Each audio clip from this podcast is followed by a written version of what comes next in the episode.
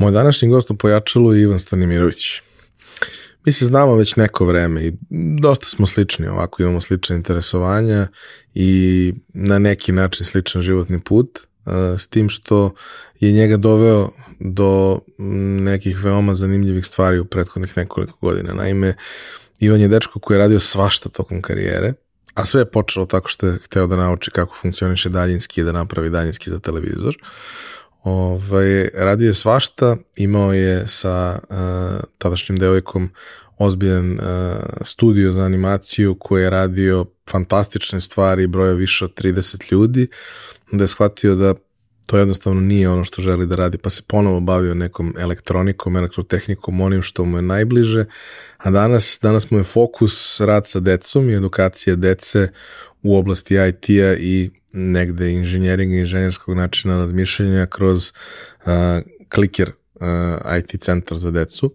Uh, Želao sam da podelimo njegovu priču baš zato što je takva kakva je, nestandardna kao što je i on, a i da po pokažemo priliku ovaj, nekim ljudima koje zanimaju slične stvari da možda mogu da pokrenu nešto slično ili možda mogu svoje dete da pošalju u kliker da nauči neke zanimljive stvari, da nauči da razmišlja kao mali inženjer i da možda upozna negde neku sebi sličnu decu, jer mislim da nam svima, nama drugačijima, nama čudnima, fali da upoznamo nekog ko je nama sličan i da imamo neko društvo koje nas prihvata. Uživite! Realizaciju ove epizode pojačala podržala je kompanija Epson. Epson je već više od 20 godina vodeći svetski proizvođač projektora i štampača za sve namene od onih kućnih do profesionalnih. Posebno vam skrećemo pažnju na aktualnu ponudu Epson Business štampača. Naime, ukoliko je došlo vreme da kupujete štampače za vaše poslovne potrebe ili da zanovite trenutnu flotu štampača koju imate, obavezno istražite koja to sve rešenja Epson nudi, jer pored zaista sjajnih štampača koji vam nude besprekoran kvalitet otiska, mnogo manju potrošnju električne energije, mnogo manje otpada generisanog u procesu, uz Epson rešenje uvek dobijete i celu paletu softvera koja se kod drugih proizvođača doplaćuje, a ovde dolazi besplatno za sve njihove korisnike. Za više informacija pogledajte businessprint.com, piše se onako kako se izgovara. Hvala vam. Imam još jednu važnu već za vas. Naime, od 1. maja sa krugom prijatelja radim na projektu naša mreža.rs. To je jedno jako zanimljivo mesto za svakog ko je preduzetnik ili razmišlja da to postane. Mesto gde svaki dan izlaze neki interesantni korisni tekstovi, a jednom nedeljno predstavljamo neki zanimljiv mali biznis. Takođe, svakog meseca radimo veliki intervju sa nekim od zanimljivih ljudi sa, sa ovog tržišta, nekim od ljudi koji su lideri u, u onome što rade, pa tako, evo, prvog meseca imamo Slavimira Stojanovića Futra. Uživajte, informišite se i pretplatite se na mailing listu ako su vam teme zanimljive, jer onda će vam svake nedelje stizati digest svega toga svakog ponedeljka na mail. Hvala vam. Za slučaj da želite da nas podržite vi individualno, uh, možete da posetite link u opisu podcasta na platformi Buy Me a Coffee i tu možete kupiti mesečnu pretplatu ili jednokratno donirati neki jednost koji želite. Hvala vam unapred na tom.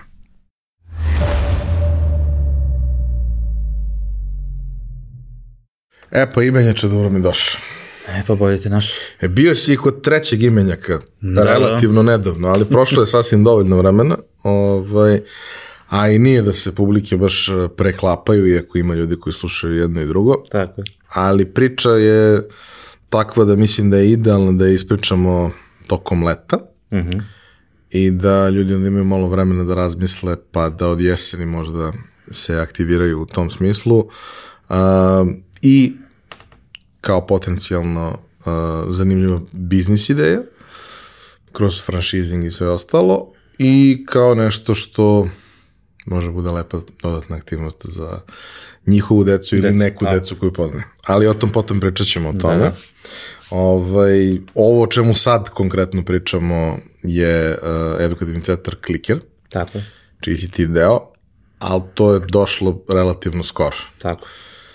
A pošto si ti ovaj, jedan tipičan predstavnik uh, gostiju pojačala čovjek koji sebi mnogo puta u životu zakomplikovao život i ovaj, odlučio da svašta nešto napravi, promeni, sruši, sazida ponovo, Proda. ponovo promeni, proda, sazida, raz, razzida i sve ostalo.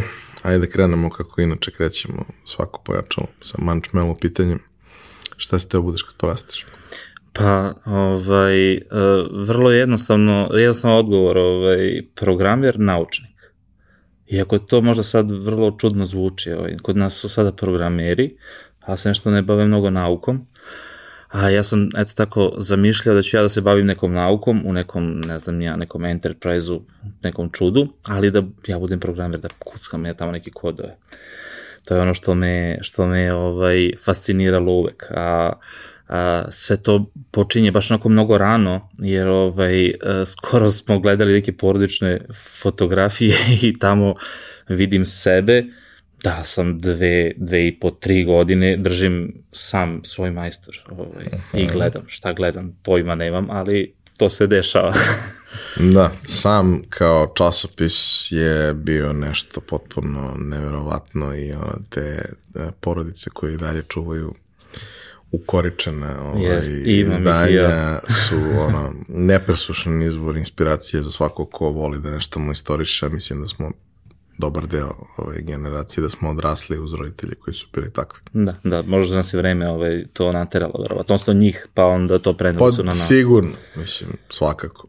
Ovaj, ali, e, ok, to jeste negde, dakle, bilo tebi na pameti kao ideja, ali kako si se uopšte susretao sa, sa, sa tehnologijom?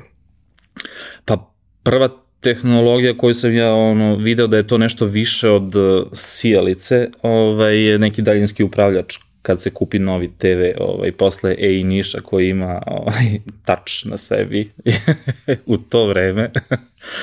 Ovaj i meni je to bilo fascinantno kako to radi, šta, što je to parče plastike i ono treba ti stisneš, on promeni kanal tamo. Mislim, meni je to bilo jako čudno, sad ja to da otvorim, I desilo se jednom da je on pao, onako, otvorio se, ja gledam unutra, ona zelena ploča, ništa meni tu nije bilo jasno. Šta ti ljudi rade kad uspiju da naprave ovo čudo koje funkcioniše, ti mu staviš kao baterije i stisneš dugom promeni neki sad verovatno postoji neko ko se bavi uh, time i ja bi baš voleo da, da ja budem taj ko će da stvori nešto novo tako malo, a da radi. A, a ne znaš unutra šta, nisu mali, mali ljudi koji nešto, nešto klikću. Ne, ne verujem ja da nisu mali ljudi. Ni- nisi siguran da još Meni uvijek, a? još nisu uspeli da... Dobro, meni zavisi da li je veče ili jutro, pa onda mi se ja znam da nisu mali ljudi u daljinskom. To. Ja znam da su u televizoru A, u mali te, ljudi. da, moguće, moguće. Znači, ne, nema mesta u daljinskom. moguće, moguće, u da, da, da. televizoru su bili Da, da, mali da, da, ljudi. upravo si. Ovo, I onda oni tamo to ispremeštaju šta treba da se desi. Jeste, jeste. I sad ta nova tehnologija, ta neka tehnologija koja je dolazila ovaj, kasnije do mene ovaj, je onako možda malo zakasnila, o, kad su svi kupovali Commodore 64, ovaj, koji je bilo, bio ultra popularan naravno u svetu i kod nas. Ovaj, to se kod mene nije desilo jer znamo već mislim, kakva je situacija bila i u, u našoj zemlji i, i u većini porodica. Međutim, a, to je sad možda bila 93. ili četvrta, nisam sad siguran tačne godine, dolazimo ćale sa posla i e, sa svojim nekim drugarom koga ja ne poznajem, kolega s posla je bio. I oni nose neke kese, kao, kao maxi kese. I ovaj, nose nešto crveno-crno unutra i ulaze unutra i kreću da, da izlače neke kablo, neka čuda, povezuju to sa, sa TV-om i ja vidim tastatura crna, crveno dole kućište, oni uključuju, to se nešto svetli, pali i šta, šta je to bilo? Bio je Orik Nova 64. To ti je a, kopija Commodore 64 koji su radili Slovenci za naše tržište, koji je savršen računar. Sa njim možeš svašta da uradiš. On je naravno imao na sebi basic interpreter, za one koji to ne znaju, znači on nije imao operativni sistem Windows i tako dalje, nego je imao taj basic interpreter koji je u stvari bio neki mali operativni sistem jer je umeo da, da barata podacima. Znači umeo da snimi fajl, umeo da čita podatke sa audio kaseta ovaj, i to je bilo otprilike to. I sve što ti hoćeš da napišeš ovaj, da na njemu radi, to je bilo u Basicu. E sad, šta je tu, ja sam jako mali u principu tada, koliko imam, 7-8 godina, ovaj, jedva valjda znam da čitam ovaj, na, na, na srpskom, a uz taj računar je stigao, stigla jedna knjiga na kojoj piše Orik Nova 64, onako lepa knjiga crna, on je fotkan, znači kao da je sad to neko radio, baš su onako bili van vremenski što se toga tiče, unutra. Ovaj gomila nekih slova i sve na slovenačkom, znači nema, nema srpskog nigde, ni blizu, ali je super stvar što su oni imali onako uh, jedna strana i jedan kao primer programa. I sad taj program nešto radi. Sad ja nemam pojma tamo šta piše, šta oni objašnjavaju da će onda radi, ali ja ga prekucam.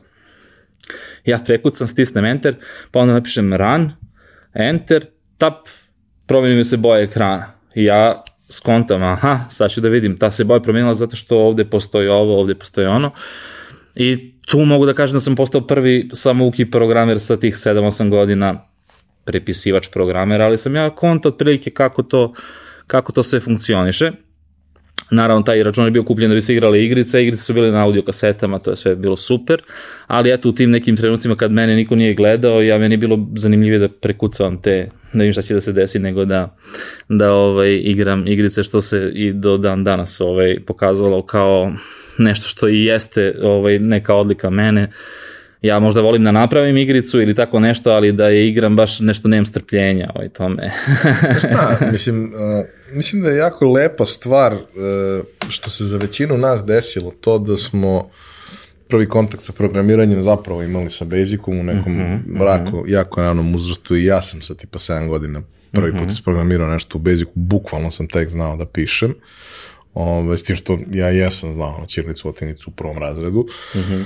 pa sam mogao da, da, da pročitam. Imali smo neku školu računara u, u, u školi koja je po nekim vrlo povoljnim uslovima napravila tu neku mini edukaciju, ništa ti to pametno preterano mm -hmm, nisi naučio, mm -hmm. si dobio jednu sveščicu na fotokopiru napravljenu, mm -hmm. u kojoj si imao to desetak primjera nekih programa i Basic je bio takav da ono, yes. imaš linije yes. i u principu to što piše ono, leksika i semantika tog jezika je prilično jednostavna i opisna, Tako tebi je jasno šta se dešava dokle god pričamo o nekim tekstualnim operacijama, Tako. brojevima, računanjima i slično. Sad već grafika, grafika crtanja malo, da, i to da, da, malo da. je sve to kompleksnije, ali ti kad naučiš da napraviš uh, tekstualno nešto, ti u principu možeš napraviš tekstualnu avanturu. Tako je. Tako tekstualna avantura, ako imaš malo kreativnosti, može bude beskreno zabavna stvar. Jeste. A ja sam u to vreme ovaj, najviše od svih uh, stvari voleo dve stvari. Prvo je bila dečije sve znanje koje sam znao na pamet. Mm -hmm. I druga je bila, za jedan rođendan sam dobio uh, od nekoga iz porodice, iz familije, ne znam od koga. Uh, isto tako komplet mnogo manje od dečijeg saznanja, ali komplet Disneyevih knjiga, mm -hmm. uh, koje su bile knjige koje su imale po deset različitih krajeva Aha, da, da, da, da, da, da, kako biraš Kako ti odabereš da će da put. da teče put, da, da. I onda je to bilo beskreno zabavno. Uh mhm. -huh imala je divnu osobinu uh, i bila mi omiljena aktivnost uveče, zato što ako ti uzmeš celu knjigu, ti u suštini pročitaš desetinu knjige, znači treba ti 5 minuta ili 7 minuta da imaš celu priču. Tako je. A da sad čitaš celu knjigu od korice do korice, to bi ipak bilo verovatno sat, sat i po ili tako mm -hmm. nešto. Ovako svako veče ti imaš drugu priču, te zanima šta se sad tu desilo. Šta se desilo na drugom, da, da. I mene bukvalno to uz još posle razne neke stvari koje su se dešavale, naučila algoritamskom razmišljanju. Mm -hmm. Ove, što zvuči suludo, ali je to tako. Pa da, zato što je algoritamsko razmišljanje baš nekako jednostavna stvar, jer imaš samo jednom ako i kad to ako se desi, ti ćeš uraditi to. Ako sam odabrao taj put, završit će se tako. Ako sam odabrao ovaj put, loš put, završit će se drugačije. Tako da ovaj, e, logika ne mora da se uči na računaru, to, to smo onako videli mnogo puta. A, ovaj, ja sam u jednom trutku i napravio neki eksperiment, to je bilo možda 2017. godine. Ovaj, sakupio sam neke klince, osnovna škola i rekao sam im, ovaj, hajde da probamo da učimo programiranje bez računara. Gde su meni prvo roditelji, ti su kao bili u nevericima, kao šta, šta radiš, kao već, sad će deca vratno tamo da klikću po nekim ekranima, ne, ne, neće, neće ništa od toga da bude.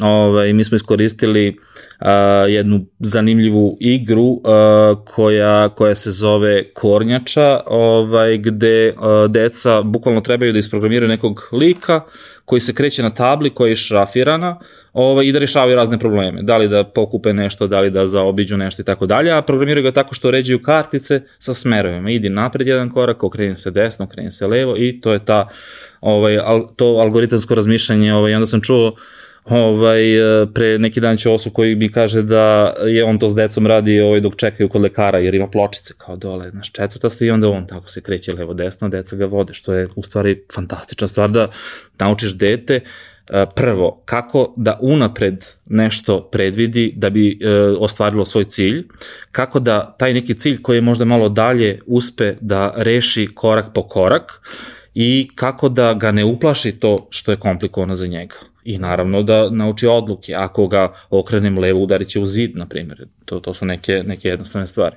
E, trenutak kada je cela moja generacija naučila da a, algoritamski razmišlja, pričali smo na, na jednom doručku o tome ovaj, i mislim da sam i u nekoj od prethodnih epizoda podcasta ovaj, to pominjao kada je moj profa informatike Sloba Brkić koji se nije baš dugo zadržao u školi, ali je ostavio trajni uticaj na sve nas. Mm -hmm.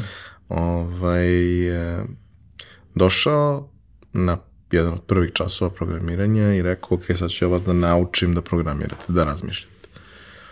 To što vi ne znate kako se pišu programi, to nije bitno. To ćete da naučite ako vas bude zanimalo ili, ili nećete. Jel zna neko da programira, ja se javio, javio se još dvoje kolega, kao vama ovo neće da bude zanimljivo mm -hmm. da mhm. naučite nešto, ali možda vam bude zanimljivo kao igra. Mm -hmm. I činjenica, ja od programiranja imao sam velike očekivanje u srednjoj školi, faktički nisam naučio ništa, došao sam ja već dosta da. bolje osposobljen nego što sam mogao da očekujem. Pričat ćemo to i posle sigurno. ali, ali taj moment kad je on rekao, ok, uh, naš posao sada je da objasnimo crncu kako da skuva kafu. Mm -hmm. dobro. Zašto kao crncu? Zato što je crnac došao iz Afrike i ne zna ništa. Vi ste ga smestili u kuhinju i treba da mu objasnite korak po korak da raščlanite sve mm -hmm. i da budete sigurni da ćete na kraju da dobijete kafu. Kako ćete to da uradite? Sad, znaš, ono, mi nismo deca u tom trenutku, ima 15-16 da, godina, da, da, da, možeš da. ti da kažeš, ono, ne, e, šta, on, šta ima on od cenzora? Čuje, ne zna šta znači, ali čuje. Aha, znači, ako stavi šolju i šeta ispred, ispod otvorene slavine, kad promeni zvuk, znači da voda upada unutra, na primjer. Mislim, na tom nekom bazičnom nivou i kao mi smo napisali, ne znam, iz 39 koraka, mm -hmm. kako crn skuva kafu i to je to kao, brate. Sad, da li koristiš ono, šta je if, a šta je posle for, while ili neka to druga petlja, to je semantika. piece of cake. Da, ali da, da, ti da, da. si od tog trenutka naučio kako da nešto što je izuzetno kompleksno raščlaniš na, na neke jednostavne stvari. Uh, ali dobro, to je moja srednja škola, to je, ovaj, to smo mi uh, oštećeni robotičari. Uh, kako je u tvom slučaju izgledalo osnovna škola, srednja škola, je bilo stvari koje su te zanimale, je bilo ljudi koji su ti bili uh, na neki način ono, i inspiracija i koji su te na neki način usmeravali i pomagali ti da se dalje razvijaš? Mm -hmm. Pa, e, opet ću da se vratim možda par meseci pre polaska u osnovnu školu, ovaj, da kažem da sam ja ovaj, jedva čekao da krenem u školu, ja sam bio od te dece. Ja inače nisam išao u predškolskog, pošto su moji roditelji uh, a ovaj, hvala im na tome, rekli kao sedi kući, ovaj, rad, radi šta god ti se radi dok možeš, kad posle budeš morao da ideš u školu, onda više nema izbor. I bili su potpuno u pravu u tome i hvala im. Ovaj, ali ja sam ja da čekao da krenem u školu, jer ja sam zamišljao ću ja u, ta, u toj školi tamo da naučim kako se pravi taj daljinski upravljač. I ovaj, a bio je jedan problem, ovaj, veliki, ovaj, ja sam znao, pošto nekako taj neki naš krug ljudi, prijatelja mojih roditelja su znali i ljude koji rade u školi i učitelji i tako dalje. Ja sam znao da uh, postoji jedan učitelj i četiri učiteljice i ja sam rekao ja, ja da čekam u školu da krenem, ali ja kod učitelja ili neću u školu. Znači nema uopšte odabira. I moja majka kao, dobro, mislim, svi vole tog učitelja, on je bio onako uvek uh, rado biran. Uh, I on je otišao u školu i rekla ljudi, moje dete reklo, ako ovaj, neće, ovaj, ako i oca ne bude ovaj, učitelj, on neće u školu da ide. I smeje se sekretarica škole koja kaže, ovaj, ali i oce već odabrao ovaj, svoju, svoju decu i Ivan je kod njega, tako da pošto je ona i stari tamo, on je već odabrao. Rekao, dobro, onda mogu da idem u školu. I ovaj, moram da napomenem tog čoveka, pošto je to jedan najorganizovaniji čovjek na svetu, najuredniji čovjek na svetu, koji me uh, probao da me nauči da budem ja organizovani i uredan ovaj, ali mak, možda nije uspeo, ali je ovaj, bar mene naučio da znam kako izgleda kad je neko ovaj, uredan i organizovan čovjek. On je imao aknu tašnu koja je bila sređena kao Lego kockice su napakovane unutra, to je sve perfektno i ima krede u boji, njegove table su bile umetnička dela, znači čovjek je stvarno ovaj, bio fantastičan i uh, on je bio matematičar, to je ono što je on nama, nama usadio u glavu, mi nismo imali fizičko i muzičko, imali smo matematiku umesto toga svaki put, iako smo se mi bunili kad smo bili deca, ali ovaj, sad kad malo vratim film, mi to fizičko i muzičko smo ne, na kraju i imali na drugačiji možda neki način, ali ovaj, tu matematiku koju on onako uh, dodavao po dva časa nedeljno, ovaj, ne može niko da nam, da nam ovaj,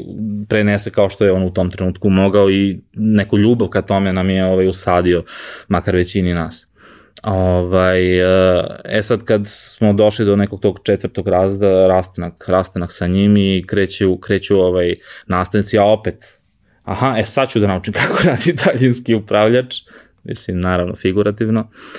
Međutim, kreće ta neka ovaj, fizika čak i nema u petom nego u šestom i tako dalje i ja sam onako malo razočaran u sve to, iako su tu neki nastavnici koji su, sem hemičarke, ovaj, koji su bili stvarno ljudi okej, okay, ovaj, i, i pokušavali su da nam svaki predmet učine dovoljno zanimljivim. E sad, što je meni bila zanimljiva matematika i fizika najviše, posle 6. 7. 8.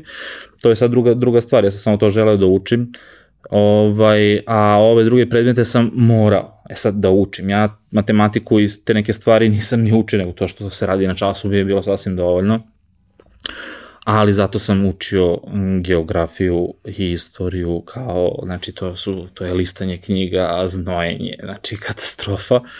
Ali eto, izgurali smo i to. Tako da mogu da, da izdvojim znači, tog učitelja koji nam je stvarno ovaj, taj neki startup napravio da možemo da da uh, ako želimo da se bavimo nekom, nekim inženjerstvom, nekom tehnikom i tako dalje, imamo osnovu ovaj, koja, koja stvarno ne, ne može da se poredi sa nekim drugim koji to nisu, nego su možda davali više značaja društvenim predmetima nego, nego tome. On je verovatno gledao naše rezultate na onom ulaznom testu ovaj, koji se radi u školi i onda je biro decu koja, koja su ovaj, tu, tu ovaj, se uklapaju u cijelu tu priču. I onda dolazi srednja škola da se upiše ja opet, znači eto, kako sam, tako sam, ja sam odlučio da hoću, pošto otvara se eksperimentalno odeljenje elektrotehniča računara, iako sad to više nije, e sad je to onako odeljenje koje postoji već neko duže vreme. Ove, ovaj, ja želim da upišem to i neću ništa drugo, a tad mi smo polagali prijemni u, u školi gde, gde želimo da se upišemo i tamo pišemo, ako sećaš, želje smo pisali. I ovaj, ja pričam sa, sa, sa mojima i ja im kažem ja hoću to, i drugo me ne interesuje apsolutno ništa. Znači, neću da, ni da upisujem ove druge dve želje. Moja majka kaže, pa ali dobro, makar napiši tamo. Ma ne, mene ne, da, apsolutno me ne interesuje. Ne sad upisuje se dva odeljenja, to je 60 učenika, a prijavilo se, ne znam, 150, na primjer. I ja, naravno, odem, uradim test, upišem se, budem, ne znam, 19. na listi, što je bilo sasvim. Okay. Ja sam to, to sam znao će da se desi, nisam možda imao dilemu, ali hoće ili neće. Ali nemam potrebe ni da upisujem tamo, zašto bak suziram sebi sa drugom nekom željom. I napokon, eto, do, dođem do toga da ja naučim kako ovaj, se pravi taj daljinski upravljač, verovali ne. Moja škola, ja sam ovaj, išao u tehničku školu u Smederevo ovaj, e, je imala tako neke sjajne nastavnike, profesore, e, naravno tih stručnih predmeta, e, koji su nas bukvalno učili kako radi katodna cev i stvarno smo znali kako radi ta mislim, on je ko je želeo, on je želeo, on je to naučio dobio ocenu i otišao naravno.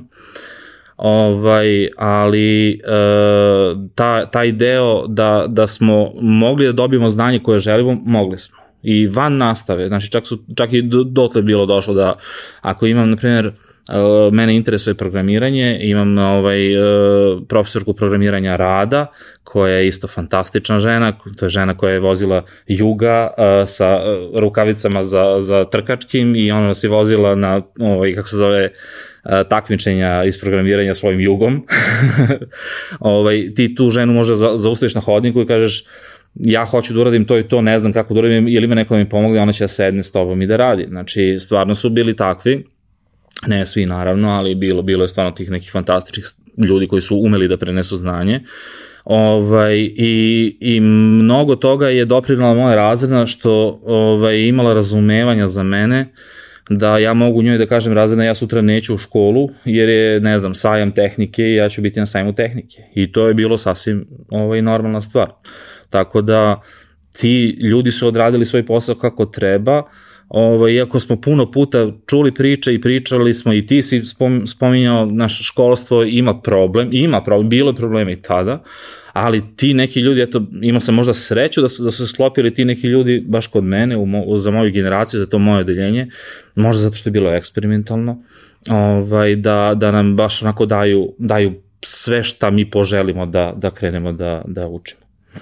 Znaš šta, uh, mislim da je to pitanje ove, kokoške i jajeta, odnosno da su škole koje su pokretale eksperimentalne smerove, eksperimentalne odeljenja, bile škole koje su imale materijal za tako nešto. Pa, verovatno. Znaš, da. ista priča je bila i sa nama sa robotikom. Uh -huh. Ja nisam, kad sam ja došao, robotika više nije bila eksperimentalna, ali je uh -huh. bila za posebno nadarene imala je specifičan prijemnik koji je bio teži, kompleksniji od redovnog. Ti taj prijemni si polagao ranije, nije ti se priznavao ni u šta drugo, mm -hmm. jer si imao stvari koje nemaš na drugim mestima, da. a nemaš srpski koji imaš na drugim mestima. Da, da, da. da. Ove, ovaj, ali to jeste bilo sa jedne strane ta, ta škola je imala kadar koji je to mogao koji da iznese. Da iznese da. Sa druge strane, ta škola imala i neke druge resurse, u smislu, ajde, nije to bilo idealno, ali imali smo radionicu za Jest. šta treba mašinski da se uradi. Imali smo kabinete, baš onako Znaš, super. O, imali smo dobre kabinete sa računarima, to je bila donacija mm -hmm. koju smo dobili bukvalno kad smo mi krenuli, tako da smo dobili neke lepe mm -hmm. HP-ove računare. I moja škola je bila, pošto smo jeli, bili, bili robotičari, a škola je bila, mislim, jedina u, u Srbiji koja je imala taj smer, a nije, bilo je na nekoliko mesta, ali jedina koja je imala robota.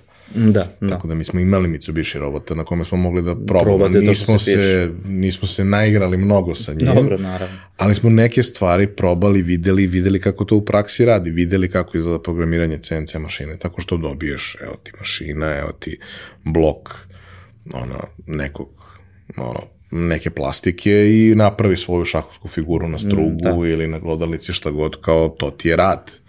Ti napiši program, to ti je rad. Prvo testiramo program na test okruženju koje će da kaže da li će u nekom trenutku alat da udari u mašinu, jer mhm. onda nećeš ga napraviti.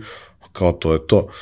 I sećam se, mislim, to mi je ostalo, a zašto to kažem? Zato što si ti iz Smedereva i sećam se tog momenta kad mi kaže, uh, e, završava mi to sve i kao robotika, budućnost, opcije i sve ostalo i mene gleda moj prof robotike i kaže znaš da ima jedini robot koji se trenutno aktivno koristi u Srbiji? Kaže, ne znam. U Goši, u Smederevu. Kao na, u fabrici vagona kao, ok, izvesno je da će u narednih pet godina da ih bude mm. milion Tako i da će ono, oni su vrlo brzo uveli i mehatroniku kao smer i sve to, mm. a kaže, u ovom trenutku samo u Goši u Smederevu. Pa to je. I kao, to ti je to, kao, znaš, mi smo praksu, recimo, pošto, jeli, ti si bio elektrotehnika, ja mm -hmm. sam bio mašinstvo. Mm -hmm. Mi smo praksu imali u radionicama koje nisu bile u okviru škole, nego tih 7 dana prakse mi idemo van mhm, škole mm -hmm. u brodogradilište, mm -hmm. koje u tom trenutku godinama već ne radi, ali ima nekoliko radionica koje, koje sad ima dogovor škola da koristi. Koristi, tako, tako. I ti tu sediš ono 7 dana te, testerica i sečeš nešto, da. praviš nešto, turpijaš, nešto malo vidiš struga i svega ostalog. Ali ne možeš da kažeš da mi nismo videli sve te stvari. Jesmo. Da, da, da. Danas ti za ono, 1000 eura kupiš malu glodalicu i strug koji su ono, sobna varijanta, možeš napraviš šta hoćeš. Tada to nije bilo. Nije bilo, da. Sada ta škola, Politehnika, tad se zvala Politehnička akademija, danas se zove Politehnika, sada oni imaju i 3D printere, imaju i dron, imaju svašta, mm -hmm. jer gomila neke sjajne dece koje izašle iz te škole, a neki su bili ovde gosti, ne, neki su bili gosti pet puta, recimo, kao srđan, ovaj, su u jednom trenutku shvatili koliko zapravo dugujemo toj školi, jer nas je naučila da na, razmišljamo kao inženjeri. Tako je. Tako. Osposobila nas je za život. Zapravo vrlo malo nas smo posle završili uh mhm. -huh. tehničke fakultete. Srđan je upisao japanski, to što je on lud. Um, Rečko je išao na višu, on je i završio višu. Bogdan ne znam ni da li je studirao bilo šta, Gargenta je zapalio u Ameriku, pa je tamo postao bog otac. Ja sam na kraju upisao inženjerski menadžment, ali sa 26-7 godina i evo, Bože zdravlje, napisat ću prokleti diplomski obećavam. Ali kao kad pogledaš, ima iz moje generacije, ne znam, dža generacije, Ana, naša drugarica, ona je završila ETF, bit flying colors in time i sve, ali velika većina nas nije otišla dalje. Da, da. Ali smo postali inženjeri. Da. Naivci, da, pa, ali inženjeri. Vrlo se slično desilo, vidiš i kod nas, ovaj, uh, moje, na primjer, odeljenje, uh, ne znam da li je nas četvoro ili petoro otišlo na neki ETF ili, ili elektroniku kao ja. Uh, otišli su ljudi i na mašinstva i na razne stvari, ali kako su godine prolazile, imali smo ovo, jednu proslavu mature gde smo se onako svi našli, ja skontam da pola odeljenja nešto programira. Odjedno su svi programirali, a mučili se s programiranjem ovaj, u školi, ali su sada postali programeri, što je super. Ovaj, imali su znači neku ostavu, nešto, nešto ih je navodilo da to, da to mogu da rade. Sa što su odebrali druge fakultete, to je sad možda neka širina, otkud znam, možda nije. Pa šta, mislim, ima tu jedna stvar, ovaj, baš kad je, kad je Rastko ovaj, Jokić bio, kad smo pričali o tome, znaš, svi smo mi koji smo založili da budemo inženjeri, uglavnom uh, sanjali da imamo svoje radionice i fabrike. Uh mhm. -huh. I ja kad odem u fabriku, ja što volim da odem u fabriku. Mene ne možda isteraš kad odem u fabriku. Ali, brate, to nije realno da ćeš da imaš radionicu, ajde i Možeš, nekako da. u nekim zrelim godinama kreneš da kupuješ alat u Lidlu, navučeš mm. se i onda yes. malo proširiš ovaj, to sve. A to da napraviš ozbiljnu neku proizvodnju, to je užasno skupo, komplikovano i sve ostalo. Da. A u softveru ti ne treba ništa. Ništa, samo računar, možeš i mobilne prilike, znači... I to je to. I zato ja mislim da su mnogi iz strasti prebegli u to. Neki su prebegli iz toga što su videli potencijal, da, da moguću da, da, korist, da. da tu ima novca. Više da, novca, naravno. Sve okej. Okay. Yes. Ali oni koji, koji bi i dalje najviše na svetu volili da imaju jednu šupu sa alatom mm -hmm. i da prave nameštaj, mm -hmm. oni programiraju zato što im je to način da, da prave žive, nameštaj. Da, da, da, i da prave nameštaj. Ok, da, ja, jasno. Ovaj, uh, mislim da naš škola uh, to ljudi možda ovaj, pogrešno shvataju. Škola te ne ograničava, škola ti daje mogućnosti.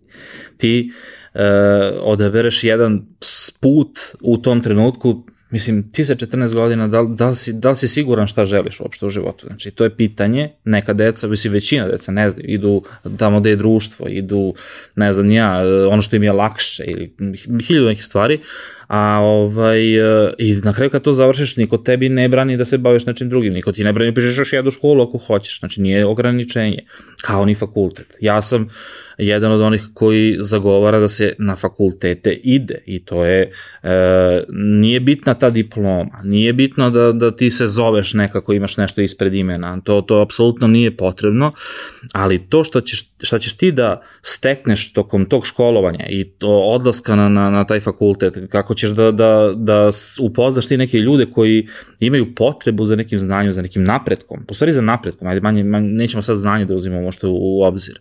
E, to je nešto što tebi onda pokaže da uh, u svetu ti ako želiš nešto da radiš, ti možeš to da uradiš. Znači nije uopšte, nisi ograničen. Ti imaš način kako da to uradiš i na, na fakultetu mislim da to je glavno, glavno što treba da pokupimo.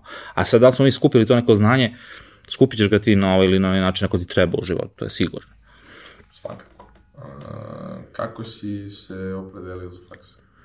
Pa tu je bilo, mislim, bilo je vrlo opet jednostavno zato što sam ja hteo ili ETF Beograd ili e, elektro, elektron, elektronski u Nišu. u stvari elektronski. Elektronski. Da, da, da ne pogrešimo. Ovaj, e, zašto sam otišao na, na, e, u Niš? Zato što, mislim, dva su neka razgovora, razgovora završila taj, pa je ona bila, moraš tamo, tamo je najbolje. Ovaj, e, zato što sam ja bio više elektroničar nego elektrotehničar uvek i sada. Ovaj, a druga stvar, uh, moj stric je imao tamo stan i to je bilo mnogo jednostavnije i jeftinije za sve nas i hvala njemu za, za sve to što, što mi je ovaj, pomogao. Uh, ja sam otišao tamo, upisao taj fakultet i onda sam skontao da uh, sam u stvari uradio pravu stvar. Uh, prvo, u Nišu je život uh, mnogo nekako jednostavniji nego u Beogradu, manji je dosta grad, Uh, ali je puni studenta. Znači, po proseč, u prosek kad se izvuče, ovaj, više, procentualno više mlađi studenta ima. Grad, jest, mlađi grad. jest.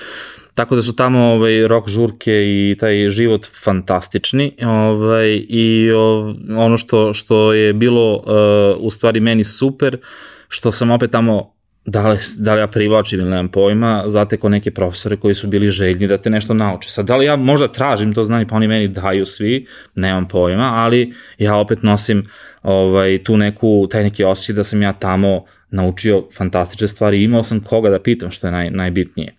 E sad, da, da li su te stvari koje sam ja tamo učio pri, sve primenljive? Nisu. Znači, 90% možda baciš u kantu i ne treba mi u životu, ali uh, da bi, ne znam, uh, položio elektrotehniku 1, elektrotehniku 2, ti moraš da čitaš ovako ozbiljnu ovaj, literaturu, da reći neke brda, brda nekih zadataka i onda ja skontam da ja to prvi put u životu radim. Ja nikad nisam e, imao potrebu da ja sedim kući da učim nešto. Znači, osnovna škola, srednja škola, to je onako bilo, sedim u školi, učim, slušam i gotovo, gotova škola. Međutim, ovde moralo i kući da se radi. E, ovaj, I dolazi, znači prva godina je prošla kako tako, ovaj, e, i naravno dam ja minimum ovaj, koji je potreban da se pređe u drugu, međutim krenem da se mislim rekao ja nisam za ovo, ja neću moći da izguram ovo do kraja. Međutim, samo je bio taj neki period prilagođavanja nekom novom, novom učenju i ovaj, sada mogu da kažem da mi je to uh, stvar koja me je naučila da učim Jer ja sad uh, sedim i svakog dana imam dva, dva i po sata kad ja nešto učim. Ja sad učim neku ekonomiju, mislim, doćemo i do toga. Tako da uh, nije mi više strano da uzem knjigu koja je onako ozbiljna i da krenem da je čitam, da je čitam, da savladavam to i kad nešto ne znam, ja onda nađem relevantne ljude pa pitam. Znači, pozoveš telefonom, pitaš, pošleš poruku, pitaš i to je sve, sve sasvim normalno. Tako da, eto, to je, to je ono što sam ja iz, sa fakulteta izvukao. To je ono glavno što, što mislim da svako i treba da izvuče sa fakulteta. Mislim da je ono, elektronski, uh, elektronski u Nišu da. pos, jedno zaista posebno mesto. Znam mnogo ljudi koji su studirali, neki koji su diplomirali, neki koji nisu. Mm. Ali da je tamo stvarno bio melting pot nekih kvalitetnih mm -hmm. ljudi bez daljnjeg i u Beogradu ETF Naravno. je wow, ali je nekako preglomazan i pretežak i previše svega i A ovde je to nekako bilo koncentrisanije, mislim da su ljudi bili više upućeni jedni Jest. na drugi. A, znaš šta, su se ja, ja da sam došao u, Beograd, ja bi, ja bi tu potonuo, zato što to je toliko ljudi, e, ja ne bi mogao da se uopšte nađem u svemu tome, jer e, ja kako sam len, lenjo počeo sve to da radim, ja bi se samo zakucao i oni bi digli ruke od mene, niko ne bi primetio, ej, možda on ima potencijala za nešto drugo, možda ga mrzi da uči, ali hajde da mu damo možda da radi na nekom projektu, da ovo, da ono, pa da, i to su i uradili, to se desilo zato što je manje ljudi. Mislim, nije manje, tamo upiše 300 ovaj, novih studenta svake godine, ali na dru, drugu godinu ovaj, se prebaci, ne znam, 50, 60, znači to se baš onako mnogo smanji. Nije toliko, ali, ali se baš drastično smanji.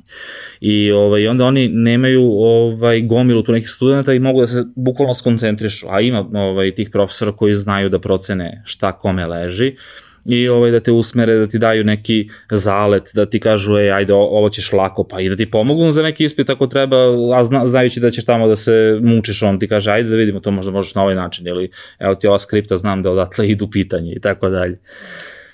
Jako zdravo okruženje, ako uzmemo u obzir da je i dalje u pitanju vrlo težak fakultet. Da, dobro, da, to je. Ja, ja stvarno mislim, e, da se razumemo, ja stvarno mislim da neke stvari treba budu teške. Pa da, Znači, To da. kao što ne želim da medicina bude laka, tako isto ne želim ni da elektrotehnika i mašinstvo ili građevina budu laki, jer ako je građevina laka, onda Pado će... smo. Jeste, može bude malo nezgodno. A, znaš, kao, da li će dizajn da bude lak ili neće, pa dobro, preživet ćemo i sa ne tako lepim plakatom. Jes, jes. Ovaj, sve stvari su važne i sve imaju na svoju ulogu. Ali ovo su neki ono gradivne stvari koje mogu da učine da jedno društvo bude konkurentno u odnosu na druga i to je ono što negde pravi razliku. Jeste. E sad, uh, hoću još samo da ti dodam ovaj, uh, jednu opet zanimljivu stvar. Uh, opet sam ja bio neko zamorče tamo, zato što sam uh, upisao eksperimentalni smer koji se zove multimedijalne tehnologije.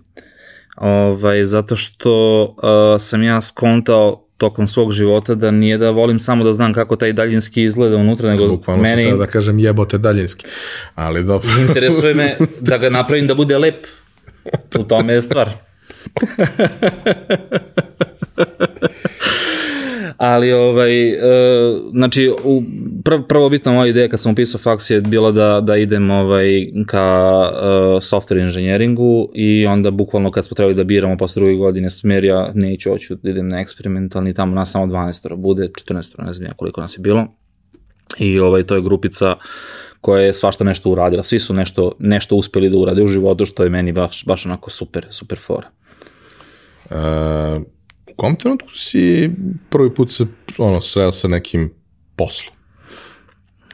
Pa, s obzirom da znači ono što, što smo spominjali još od početka ovaj, da, da situacija finansijska nije sjajna sve, sve to vreme uh, prva godina srednje škole ovaj, je godina uh, kada ja dobijam PC računar.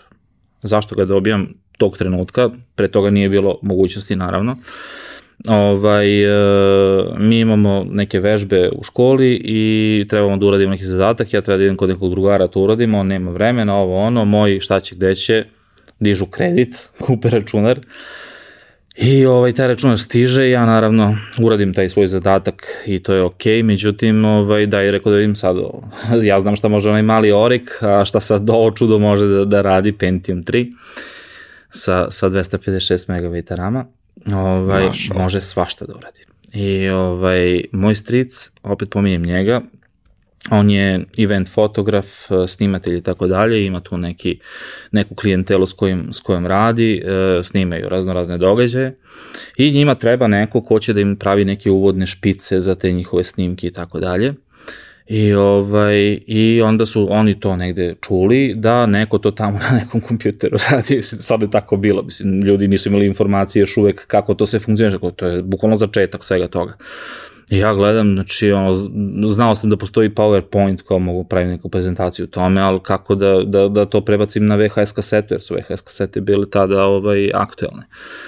I ovaj, jedino šta stavim, snimam ekran kamerom, mislim, to je bilo on kao nemoguće.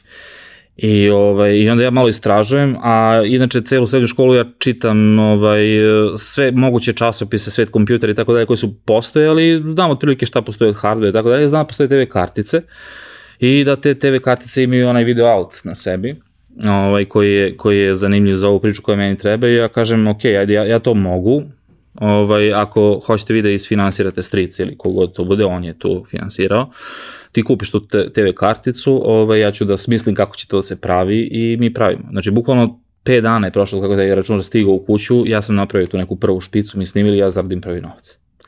I to je meni bilo, wow, znači zašto ranije nisam imao ovaj, ovo sredstvo za rad. I ovaj, tokom celog tog nekog te srednje škole ja ovaj, radim nešto ovaj, tog tipa. Onda dobijam posle šest meseci taj računar koji sam dobio je naravno već bio prevaziđen, sećaš se u to vreme kako je to jako brzo ovaj, napredovalo.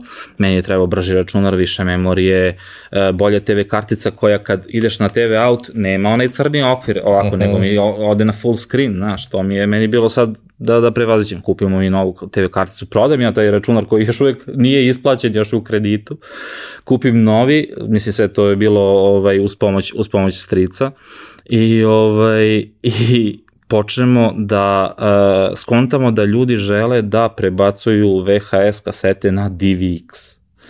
jel ti to možeš? Mogu. Znači, ja sam uvek vikao, mogu i dan danas pričam, jel nešto može? Može. Samo pitanje vremena, para i tako dalje pronađem sve šta mi treba, krenemo to, prebacujemo. Ti, znači, ne znam da li, da, da li mogu da, da opišem tu količinu posla koja se u tom trenutku dešava. Mi tad kupujemo još jedan računar, kupujemo još uh, CD rezača, znači tik rezači. To je zakon. Sve se sećam. Zakon. Znači ja sam tak, u takvoj jednoj, ovaj, u takvom jednom stanu, u jednom takvom potkrovlju, mm -hmm. uh, prvi put video dva Big Towera jedan pored drugog sa po tipa osam. Da CD rezača koji u, u isto vreme kopiraju diskove. Da, da. Eto, to je, to je bilo ono što, što je nas onako podiglo, onda se pojavljuje DVD i sad svi hoće na DVD. Čak i oni što su i DVD prebacivali kao sad je bolje.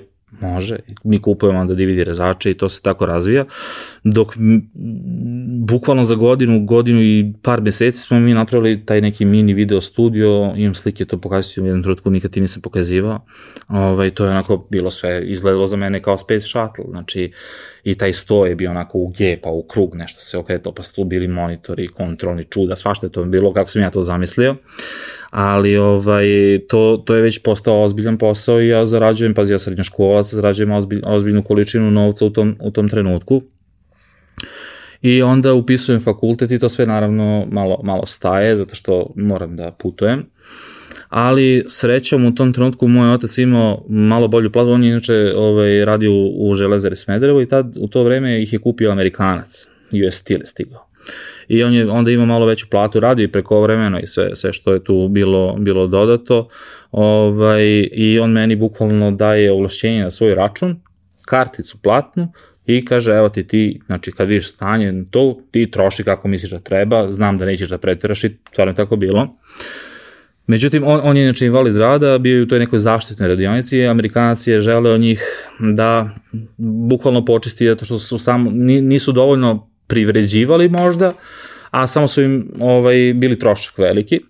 I, ovaj, i onda uh, on dobija ponudu da uh, da otkaz, dobije neku otpremninu i tako dalje, sve se to dešava ovaj, negde u drugoj godini faksa i onda ja uh, kontam da sada financije više nisu tako, tako ležerne kao što su bile do sada. Uh, uh, i da moram opet da se vratim neko, nekom privređivanju da bi mogo da nastavim školovanje. Naravno, mislim, oni, oni su se trudili dalje, i majka i otac. Znači, ne znam odakle su i kako stvarali, novaca su stvarali. Znači, nas je u porodici petor, ovaj, imam i brata koji je 90. godina, znači mlađe od mene 4, imam sestru 14 godina mlađu.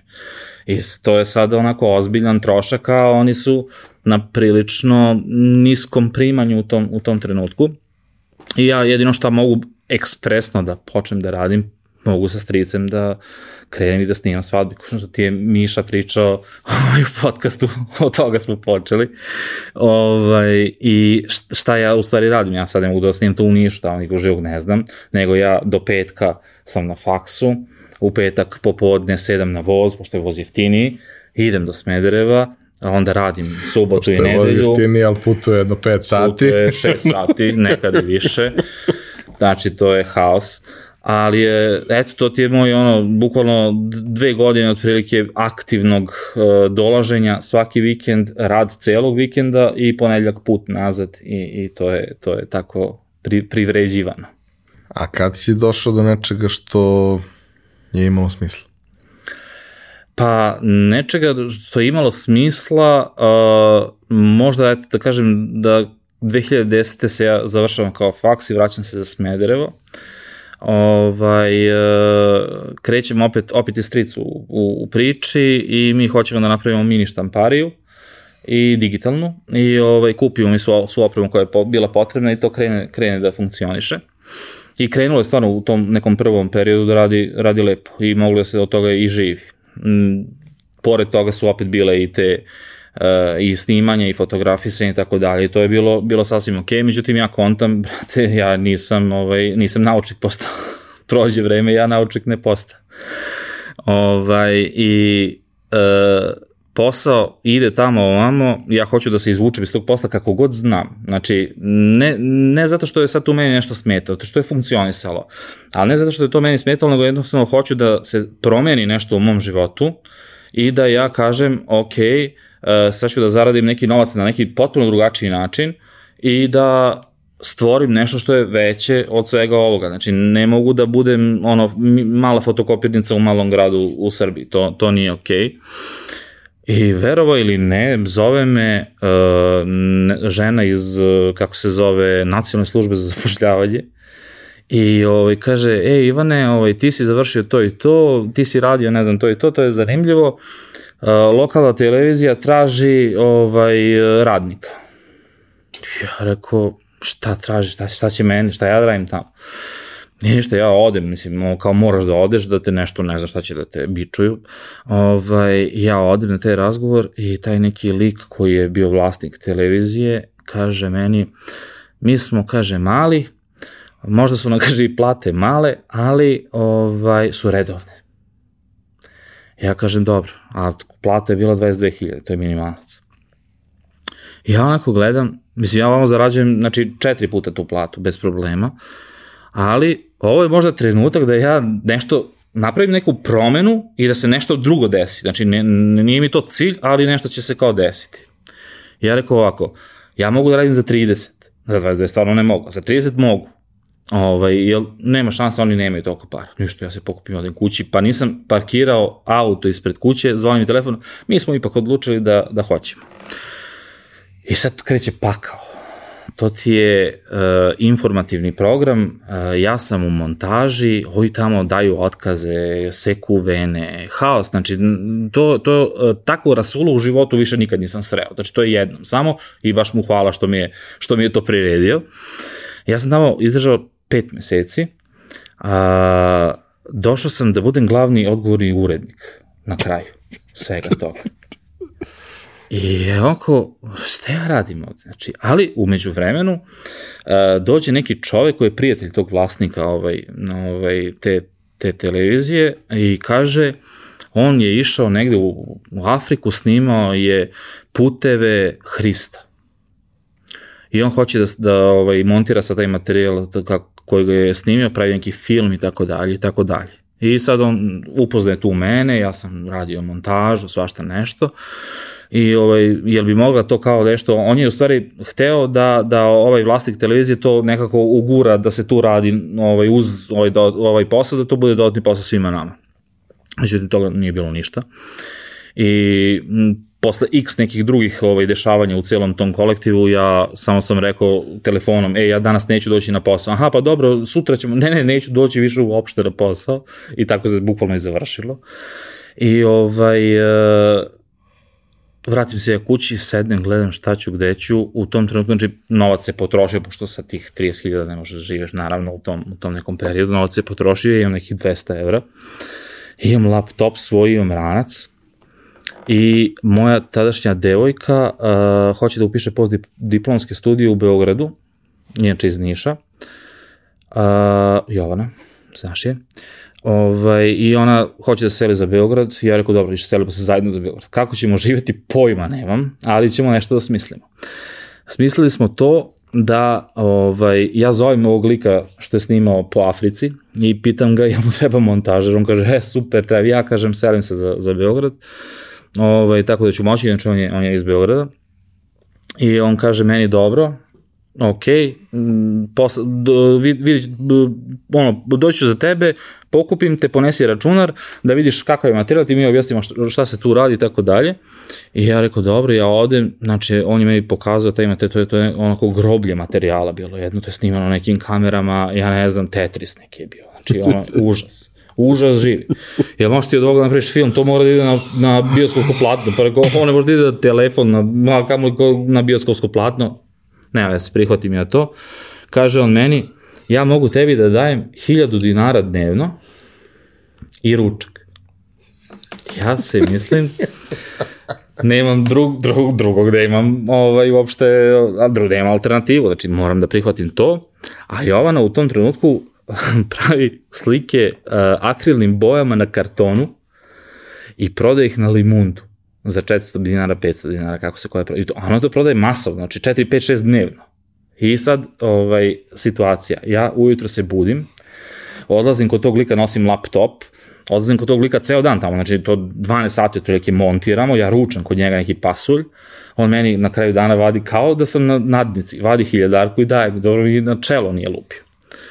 I ovaj, a vratim se kući i onda mi kaže, evo neki, kaže, ovi su zvali, ja će da dođu zove slike, ajde, ovaj, ne znam, na parkingu tamo je dogovor i možda odeš da odnesi. A tu parking je od me samo posluga i ja sad odem, odnesem to, ljudi mi daju tu, uzem 1000 dinara, iz tih 1000 dinara odem u, u, u samo poslugu, kupim hranu i vratim se, a inače živim na Zvezdari pod Rumče, a bukvalno podrum je bio. I sad, ja znam da od toga ne, znači, nema leba što kažu naše ljudi, znači nemaš se, mislim mi tu preživljavamo bukvalno, I ja kažem, dobro, ajde sad svi nešto krenuli preko interneta da rade tamo, vamo, ajde, ja ću, moram nešto ja da smislim drugačije da ima, da ima više smisla. Znači ja i dalje idem, montiram za 1000 dinđi, vraćam se kući, odem slike, odnesem, vraćam se kući i otvaram nalog na freelanceru i na e-lensu, sećaš se. Ovaj, to je Upwork za ove, ove nove što nisu čuli za, za e-lens. Ovaj, I krećem da nudim da ja pravim animaciju, pošto sam na faksu radio ovaj, After Effects, znam otprilike kako to funkcioniče, otprilike naravno, ne znam, ne znam to stvarno kako, kako ide. Nudim ja tamo nekim ljudima i posle, ne znam, 5. 6. 7. 8. 100 te ponude, jedan se lik javi, hoće za, ne znam, 100 dolara, da ja njemu napravim uh, 60 sekundi nekakve animacije, nekog čovječka koji treba da ide nešto i neki, neki tekst ispisuje. Ja rekao, 100 dolara, evo ovamo se ubi kod ovog za 1000 dinara, ovde 100 dolara za jedan dan, otprilike posla i ovaj, krene jedan, drugi, treći da se javljaju i vrlo brzo krenem ja da kontam da ja ne postižem ovaj, da, da sve to odradim sam. O, umeđu vremenu sam završio taj film. znači, ne znam kol, kol, koliko je to trajalo, ali trajalo poprilično, znači jedno tri nedelje sam ja išao bukvalno svaki dan tamo. Završio su mi taj film i ovaj, skontam da ja sad kad to budem završio, sad ću moći ja da radim tu punom parom i zaradim neke grdne pare.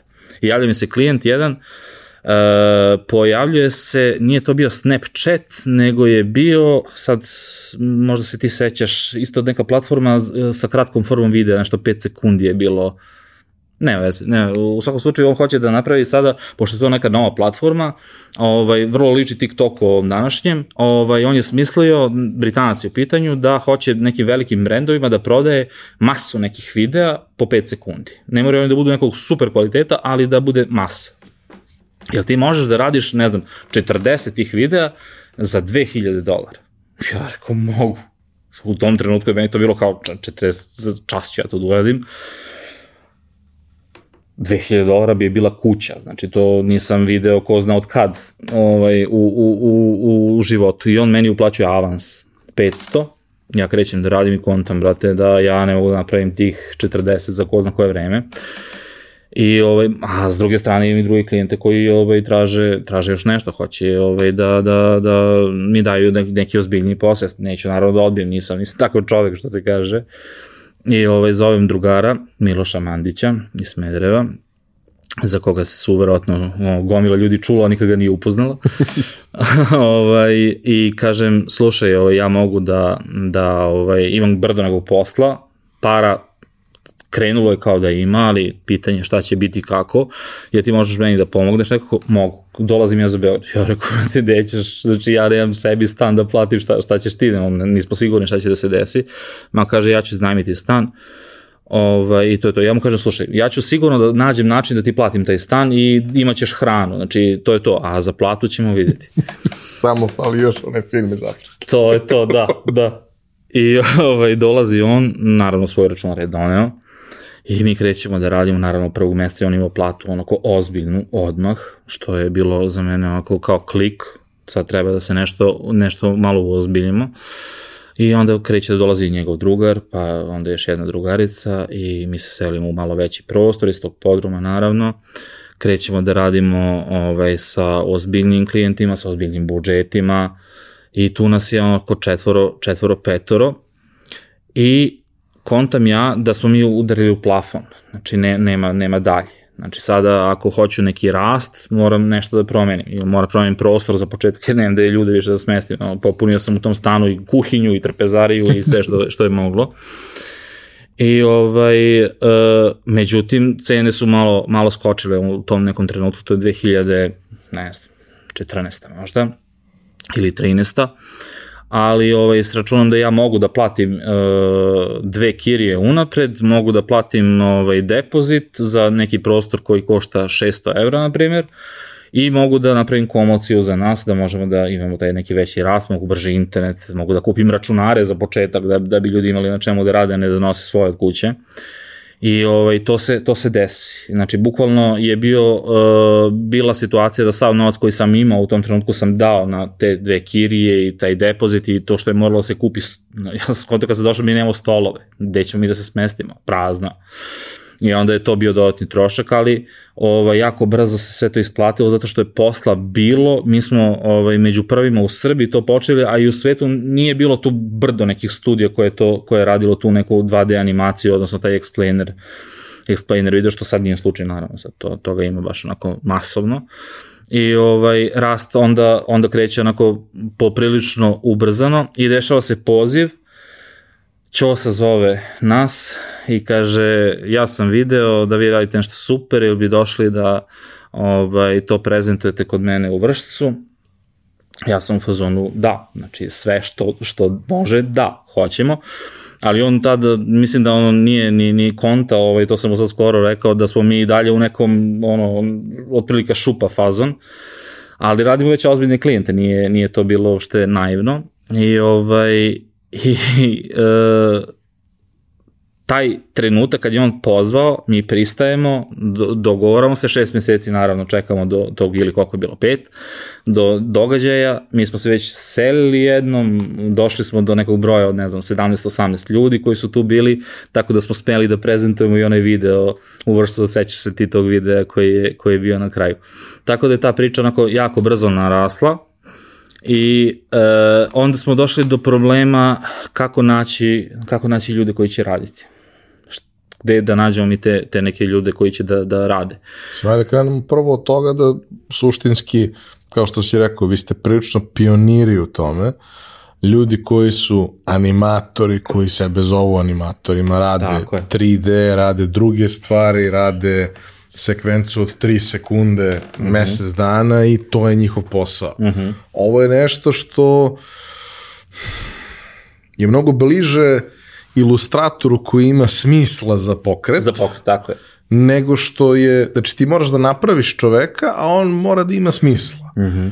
I ti u suštini tražiš ljude koji imaju osjećaj mm -hmm. i mhm. spremni su da uče nešto što je novo i da naprave da to bude uh, dovoljno jednostavno efektno. Mislim da je to u suštini magije zašto su eksplaneri postali toliko popularni već u tom periodu pa nadalje, mm -hmm.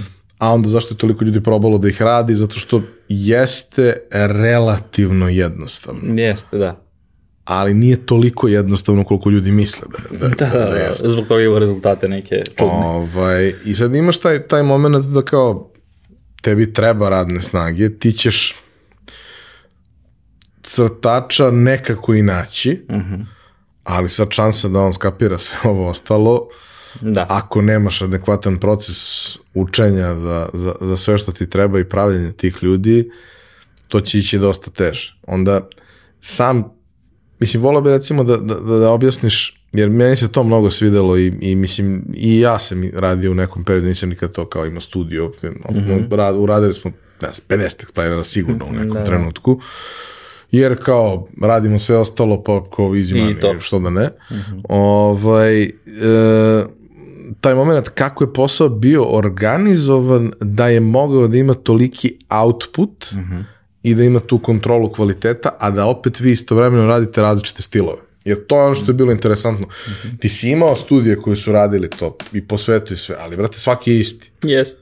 Boje su različite, ali svaki je isti. Kod vas, ok, bilo je i sličnih jer je količina bila velika, mm -hmm. ali si mogao da odeš da vidiš uh, 20 različitih stilova, stilova na, na, na kanalu, što je, mislim, onako ši, šizofreno malo, mm -hmm. ali je bi ga otvara mogućnost da radiš na različitije stvari, da nisi limitiran samo Jest. na jedan stil. Jeste, ljudi su mislili da nas ima tamo 150 prilike, ovaj, a bilo nas je u, u piku 27 Uh, šta je, šta je fazon bio? Bio je u tome u toj nekoj našoj organizaciji, kako smo mi organizovali taj posao. E, sektori su bili podeljeni na taj management i, i, i e, kako se zove customer support na ilustraciju i na animaciju. Ilustratori su bili i e, kreativni direktori automatski. Znači, oni su bili ti koji su zaduženi da osmisle stil. Zbog toga smo imali toliko stilova. Jer imali smo, ne znam, uh, osam ilustratora, sva, sva, svaki od tih ilustratora imao tri stila u kojima je bio dobar. I sad ti pomnoži to imaš brdo stilova. A ovaj, e, ta komunikacija između ilustratora i animatora koji su bili, sećaš se, spojeni s sobom, ovaj vratima, e, soba do sobe, je bila fantastična, zato što su oni, uh, animator stoji pored u početku, pored ilustratora i kaže mu, slušaj, da bi ja mogao da uradim pokret ovako, ti to mora da mi napraviš tako, tako i tako. I mi smo uspeli da napravimo sistem koji će da proizvodi, ne znam, 20 različitih stilova uh, i da proizvede uh, 120 minuta mesečno animacije sa 27 ljudi, što je jedan film, aj ti napravi film sa 27 ljudi, nema šanse. Tako da ovaj to to je to je caka. Znači niš, ni, ni, nikako tu sad gen, genijalnost nije bila, nego smo samo našli jako kreativne različite ljude a oni su stvarno bili potpuno različiti. Znači ima si i one ljude koji ćute i, i crtaju nešto svoje, ima si one koji su ekstrovertni, koji kuvaju kafe i idu tamo ovamo i oni su imali neke svoje stilo. Ima si razne, razne profile koji su mogli da ishendlaju tako različite stilove. Sva, svako od njih, nije mogo svako da radi sve, ali je fora bila u tom menadžmentu kako, kako će kome da se proda. Znači, ako klijent traži ta, takav i takav stil, zna se koji ilustrator će da preuzme to na sebe. I to je bila, to je bila, bila caka kako mi uspevamo to da izvedemo brzo, a da bude tako kvalitetno u principu. Šta vam je tu bilo najinteresantnije što ste radili? Si radili ste baš mnogo stvari i onda je glupo mm -hmm. da sad da. pričamo o, o, o svemu. Uh, studio se zvao Jolene Lut. Jolene Lut, tako. Ali ovaj, šta vam je tu bilo najinteresantnije i od klijenata kažemo na neki način i možda najzvučnije, ali što je bilo najinteresantnije u smislu posla, da je stvarno bilo inspirativno raditi to, jer kao praviti da. neki standardni explainer koji objašnjava kako se koristi software ili hardware je bez veze. Pa ne znam, naj, najinteresantnije je što, pa mogu da kažem vizualno najinteresantnije, pošto sam proces rada je bio vrlo sličan na svim, na svim ovaj, projektima. Uh, vizualno najinteresantnije nama je bilo kad smo radili za uh, L'Oreal, ovaj, tad smo bukvalno ovaj, e, sve one stilove koje oni imaju inače, to, to, to ljudi mogu da vide na njihovim YouTube kanalima, ovaj, mi smo ih postavili u tom, u tom trenutku, tako da je to bilo baš, baš neka ono, fantastična stvar za nas. A što se tiče imena, to su bilo onako imena stvarno ozbiljna. Znači radili smo od BMW-a do, ne znam ja, naravno, ne direktno sa tim klijentima, to znaš, išli smo preko agencije, jer agencije rade sa njima direktno, ali opet su to bili naši klijenti, mi smo mogli da se pohvalimo time, ne sa svim, sa svim, zato smo imali NDA i ugovore, ali je to bilo, to bilo ovaj, to. E sada, pored toga, imali smo jedan projekat uh, koji, se, koji se zvao uh, Eko akcija ili ne mogu setim kako se sve to tačno, kako smo ga tačno krstili, ali ovaj, uh, bukvalno smo otvorili konkurs i tražili smo sve naše ljude, organizacije, firme koje hoće da se bave bilo kakvim ekološkim ili nekim društveno odgovornim poslom i treba im explainer video i ovaj, e, mi smo im nudili besplatno bukvalno da, da to ovaj, kod nas seća se toga. Ove, e sad tu bila fantastična stvar zato što ovaj, smo imali, ovaj, ne znam, Zorana Kesića kao spikera koji je dolazio kod nas uh, i razno razne glumce, sad da, da ne nabrajam ovaj, ko je to bio, tako da je to bilo ovako baš lepo i dinamično i nekako smo svi bili onako ispunjeni tim poslom jer smo bili pozvani onda na, na prezentacije svega toga i ne, pokazali smo naš, našem lokalu šta to mi radimo, jer smo do tada mi bili neki likovi zatvoreni u jednu, u jednu kutiju i radimo tamo sa nekim strancima, ono, Nemcima, ne znam, nija, Francuzima i tako dalje. I šta se dešava dalje sa studijom? Uh, studio, znači, radi, funkcioniše, uh, Jovan i ja, ono, igrom slučaja, uh, naši putevi životni se ovaj, uh, ra, razilaze. I ovaj, ona naravno nastavlja sa studijom da, da radi, re, uradila je rebranding, što je okej, okay, to je, to je ovaj, njena, njena ovaj, bila želja. Oni su nastavili to da rade i ja odlučujem da ja hoću da izađem iz svega toga i da krenem nešto potpuno drugo da radim. Kao što smo hiljadu puta pričali, hoću sebi da zakomplikujem život još jednom. I ok, vraćam se ja za moje, za moje rodno Smederevo i tamo ću kao da krenem da počnem da radim i da napravim tamo neko opet tako veliko, veliku stvar, ali tamo. Znači ja sam rodoljub. I ovaj, krećem prvo ovaj, da pravim firmicu koja će da se bavi nekim programiranjem, vraća se u moju programiranje, u elektroniku i tako dalje.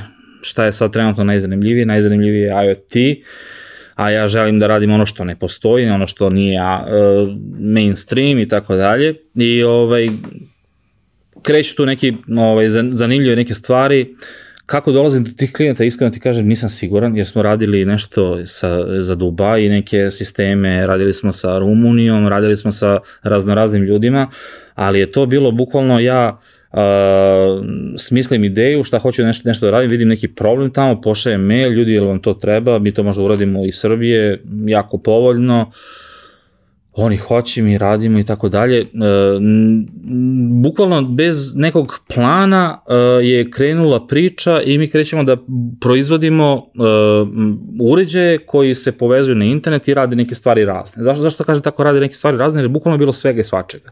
Daj neki primjer. Pravili smo, na primjer, za Dubaj, za neki sportski centar, ovaj, sistem koji ima RFID narukvice i sad ti staviš tu narukvicu i hoćeš da meriš vreme trkača koji prolazi neku stazu.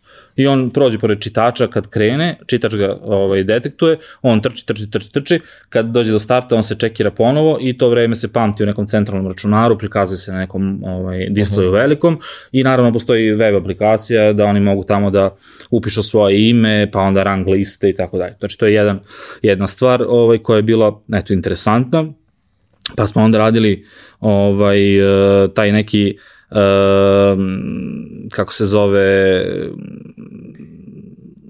la, laserska soba ovaj, u, u kojoj, kojoj ti prelaziš neke prepreke, odnosno treba da zaobiđeš laser, laser me se zove, ovaj, treba da zaobiđeš laser i da pređeš od jedne tačke do druge tačke, da e, rešiš neki quest, da naprijed da stisneš neki taster, meri se vreme, imaš neki specijalne efekte, to je u principu nešto vrlo slično kao, ne znam, uh, laser tag ili kako, kako god ovaj, to, to, Svi smo videli u filmovima kako te, kako te sobe izgledaju. Jest, jest, jest, to je, to je to, ali je u principu mladima to zanimljivo da se igraju tu i to smo imali neke porožbine za, za baš uh, Rumuniju i le, lepo sve to krenulo. I sve to teče, nekako teče, međutim dolazi nam, uh, kako se zove, korona a ja u tom trenutku da bi to radio, pošto je to bilo naj, najzanimljivije, ovaj, moram da uvozim iz Kine ovaj materijal, to se od, kod nas, da, bukvalno je tako bilo, to se kod nas onda pravi proizvodi i pakuje i izvozi za Evropsku uniju i tu je bilo hehe isto. I ovaj, kontam ja, teško ćemo mi moći sad to da se time bavimo, ali ne znam, sedim tu kod kuće, gledam ovaj šta, šta može drugo da se radi ne može ništa, sediš bukvalno lockdown dok je bio, imam kao neki 3D štampač, ok, ovaj, poslužit će, pravit ćemo vizire za, za bolnice, to smo radili, to čisto zato što smo mogli, da kao nekom pomognemo, da smo nekome pomogli stvarno ne znam, ali, ali dobro. I ovaj, e, kontam ja, možda godinu dana pre toga da želim da krenem u neku priču koja je vezana za to moje programiranje, ali da hoću da uđem u edukaciju jer je ta edukacija dece nešto što ja želim onako ceo život i radio sam to, pomagao sam gomili dece, ono, ne, jel, ej, moj mali ima problem s matematikom, jel možeš da mu malo ono pokažeš i tako dalje. Mene se to uvek svidelo, jer ako hoću da uđem, ali naravno nisam htio da uđem u edukaciju u, naš, u školstvo i te, taj sistem, to mi nije bilo, nije bilo zanimljivo. Uh, pomenuo sam bio na početku ovaj, da sam radio 2017. taj jedan test sa decom ovaj, da vidim kako to funkcioniše, da sam imao ideju da ja napravim školu programiranja za decu koja će da ovaj, okuplja decu da ih uči programiranju na razne načine, kreativne. i sa računarom i bez računara i uh, da ih uvedem da deca krenu da kontaju šta je to Internet of Things, da malo kontaju šta je elektronika i tako dalje, jer je Arduino postao popularan jako i sve te neke druge stvari dostupan. koje su bile, da, dostupan poprilično. Ovaj, međutim, Uh, prošlo je od te 2017. do 2020. kad je krenula korona, znači prošlo je brdo nekog vremena i ja nisam ništa uradio bukvalno po, povodom toga, jer no, znaš i sam, no, hiljadu nekih stvari oko tog tekućeg posla, uh, koji je bukvalno u začetku, ti nemaš vremena, sada sediš kući i pišeš kurikulum za neki, neki kurs, da platim nekoga to radi, sumnjam da sam možda imao novca, možda i jesam, ali koga i da nađem iskreno to da radi.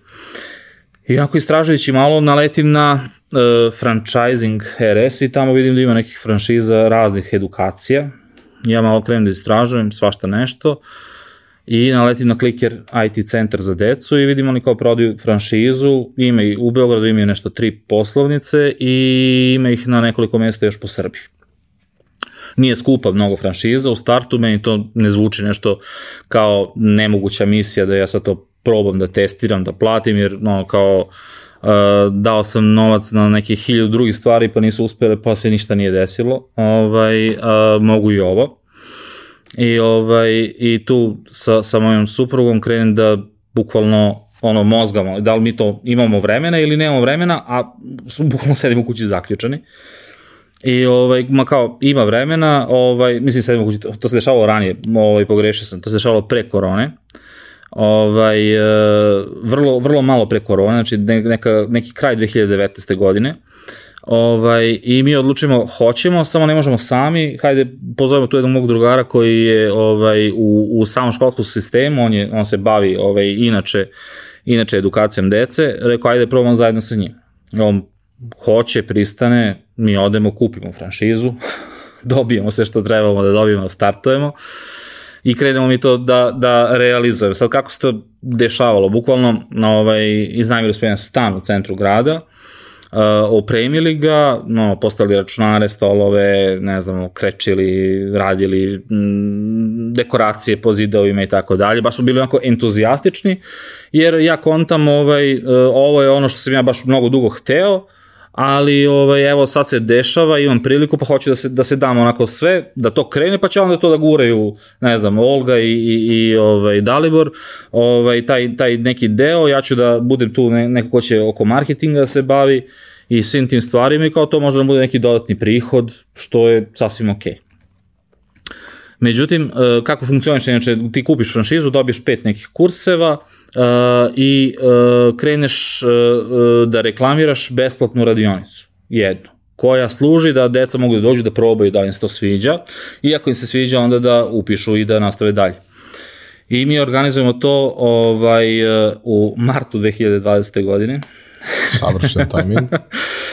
znamo da ovaj se se dešava čudo u svetu i ovaj krenemo da da pozivamo te ljude, oni su došli bukvalno u odradili smo taj prvi neki dan, uh, deca su bila prezadovoljna, videli, videli smo da to ne da ima potencijala, nego mnogo više nego što smo mi onako očekivali u startu. Međutim, e, tog, posle tog prvog dana odlazimo kući ovaj, i na vestima javljaju da se sve zaključava, da škole prestaju da rade, da se sve, bukvalno sve staje. I ja rekao, da li je moguće, znači, uh, hiljadu uh, trenut, trenutaka pre ovoga sam imao da ovo problem, sad sam našao baš kad se ovo desilo. Međutim, uh, mi naravno sve te ljude koji su prošli sve to, uh, svidelo im se, pozovemo telefonom, kažemo ljudi, trenutna situacija je takva, mi nemamo šanse da to izvedemo ovaj, u, u učionicama, pošto je zabranjeno, ali možemo da probamo, pošto su nam iz centrale rekli da to, da to postoji kao mogućnost, da možemo da izvedemo i da to radimo online. Naravno, pola njih je odustalo, ostalo je, ne znam, 7-8 ovaj, klijenca koji hoće, mi onako seli šta ćemo, gde ćemo, kad smo već zaključali, ajde kao da izguramo i to. A inače, trebalo su, trebalo su dva dana da se dese te, te ove besplatne radionice, međutim, taj drugi dan smo otkazali sve tri ljudi da ne dolaze bez veze, mislim, nema, nema šanse, jer od ponedljika svi smo zaključani. Jer znaš kako smo zaključavali? Od za tri dana nema. Tako da je da. to bilo, bilo ovaj, nama, nama unapred rečeno. I ovaj, mi preguramo taj neki prvi ciklus, ja sam ovaj, malo učestvovao ovaj, pomagao svim, svim ostalim ovaj, ljudima koji su bili i u Beogradu i na drugim centrima da uh, preguramo taj deo tako što sam ponudio sa, savet neki ili pomoć ako mogu nešto tehnički da, da, da rešim i to je bilo ono što sam ja mogu u tom trenutku daljinski da, da nekome doprinesem. Uh, Međutim, ovaj, prvi ciklus prođe, e, već je tu kraj godine, odnosno bliži se septembar, znaš da se već tu sad malo smanjila to što oni zovu amplituda, krenula da dole. Ovaj, I oni kažu da će da normalno škola krene od septembra ili će možda da kasnije nešto malo i mi rešimo ok, sada pravimo opet upis sve kao ono što smo u martu radili, samo sada za septembar ja onda dam sve od sebe, sve što sam umeo ovaj, o, o, u tom i digitalnom marketingu i bilo kom drugom ovaj, marketingu koji, koji je mogao da mi padne na pamet i mi tu nakupimo ono, boga mi, 50-60 polaznika i krene centar da radi što je bilo uh, najviše polaznika, u, mi to zovemo prvi ciklus jer ovaj ne, i ne računamo, ovaj, u prvom ciklusu za, za bilo koji centar koji se novo, novo otvorio. Uh, Međutim, umeđu vremenu mene zove kolega, odnosno uh, osnivač Kliker centra Miomir ovaj, Popeskov iz Beograda i kaže, ej, ja vidim tamo vi radite neka čuda, imate gomile prijeva, pošto on možda vidi ovaj, naše prijeve. Ovaj, mi ovde smo malo, malo, malo je usporilo, znači upisivali smo do sada, ne znam, 300 uh, polaznika, sada smo nešto na 100 i nešto, nemam pojma nija. Jel možda nešto da pomogneš? Ja rekao, kao što sam i pre toga rekao, mogu tu sam šta god mogu da, da doprinesem, jer znam da ako ta mreža bude napredovala kod njih, napredovaći kod mene, napredovaći svuda. I ovaj, I ništa, mi krenemo ovaj, da vidimo šta se tamo dešava, vidim da ovaj, e, taj digitalni marketing koji je inače glavni, e, glavni način akvizicije ovaj, novih, novih polaznika je rađen malo onako osnovno, znači nisu išli na neke naprednije tehnike. I, ovaj, i ništa, mi u tom trenutku ono, instaliramo piksele, čuda sve što je bilo potrebno, pravimo landing stranice, merimo gde se klikće, šta se klikće i uspemo da upišemo tada nešto 400 i nešto deteta, što je bilo najviše što su oni upisali do tada u jednom ciklusu ovaj, uh, u Beogradu. I naravno, oni su ljudi zahvalni, sve to, ili treba se nešto plati, neko ne treba ništa, to je moja dobra volja i tako dalje, sve to super, ništa mi radimo, mi ovog smeru imamo 56 deca, oni imamo ovaj, tih 400, 400 i nešto. Uh, I ovaj, ciklus je tek možda krenuo i mene zove, zove ovaj, kolega Mijomir i kaže, jel bi ti htio mi da popričamo malo o nekoj saradnji ozbiljnijoj, a ne, ne samo o tome da ti budeš franšizer na jednom mestu. Ja rekao, ok, mislim, nisam odbijao ništa do sada, a ova stvar mi onako je zvučala super i, i imao sam neku baš onako super volju da se time bavim. Rekao, hoću da pričamo da imamo o čemu se radi. Uh, On je meni ponudio da ja postanem suvlasnik mreže trenutne koja postoji jednim delom, a ovaj za uzvrat da unesem te neke moje stvari, to znanje koje sam do, do tada malo stekao, ovaj da to unapred, unapredimo malo.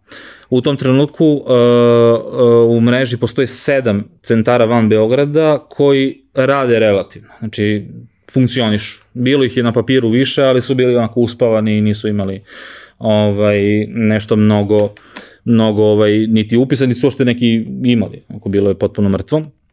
I mi krećemo onda polako da, da razvijamo sve to, krećemo marketing ovaj, za širenje mreže. I za godinu i ne znam, skoro dve godine, ajde kažem, mi smo sada stigli do 23 centra u regionu van Beograda plus o, 8 u Beogradu što je onako jedan poprilično lep uspeh za kratko. Nije, nije dve godine, godine, godine i po dana je prošle prilike. Koji gradovi? Uh, pa aj sad da ne nabrajamo ono kao sve gradove, ima, ima ih poprilično, ovaj, uh, ali ajde da nabrajamo makar ove koji su van, o, imamo Sarajevo, na primjer, ovaj, za Bosnu i Hercegovinu, imamo Podgoricu i Bar za Crnu Goru, imamo Skoplje za Makedoniju, uh, Ovaj, sad će da krene uskoro i Veles u Makedoniji.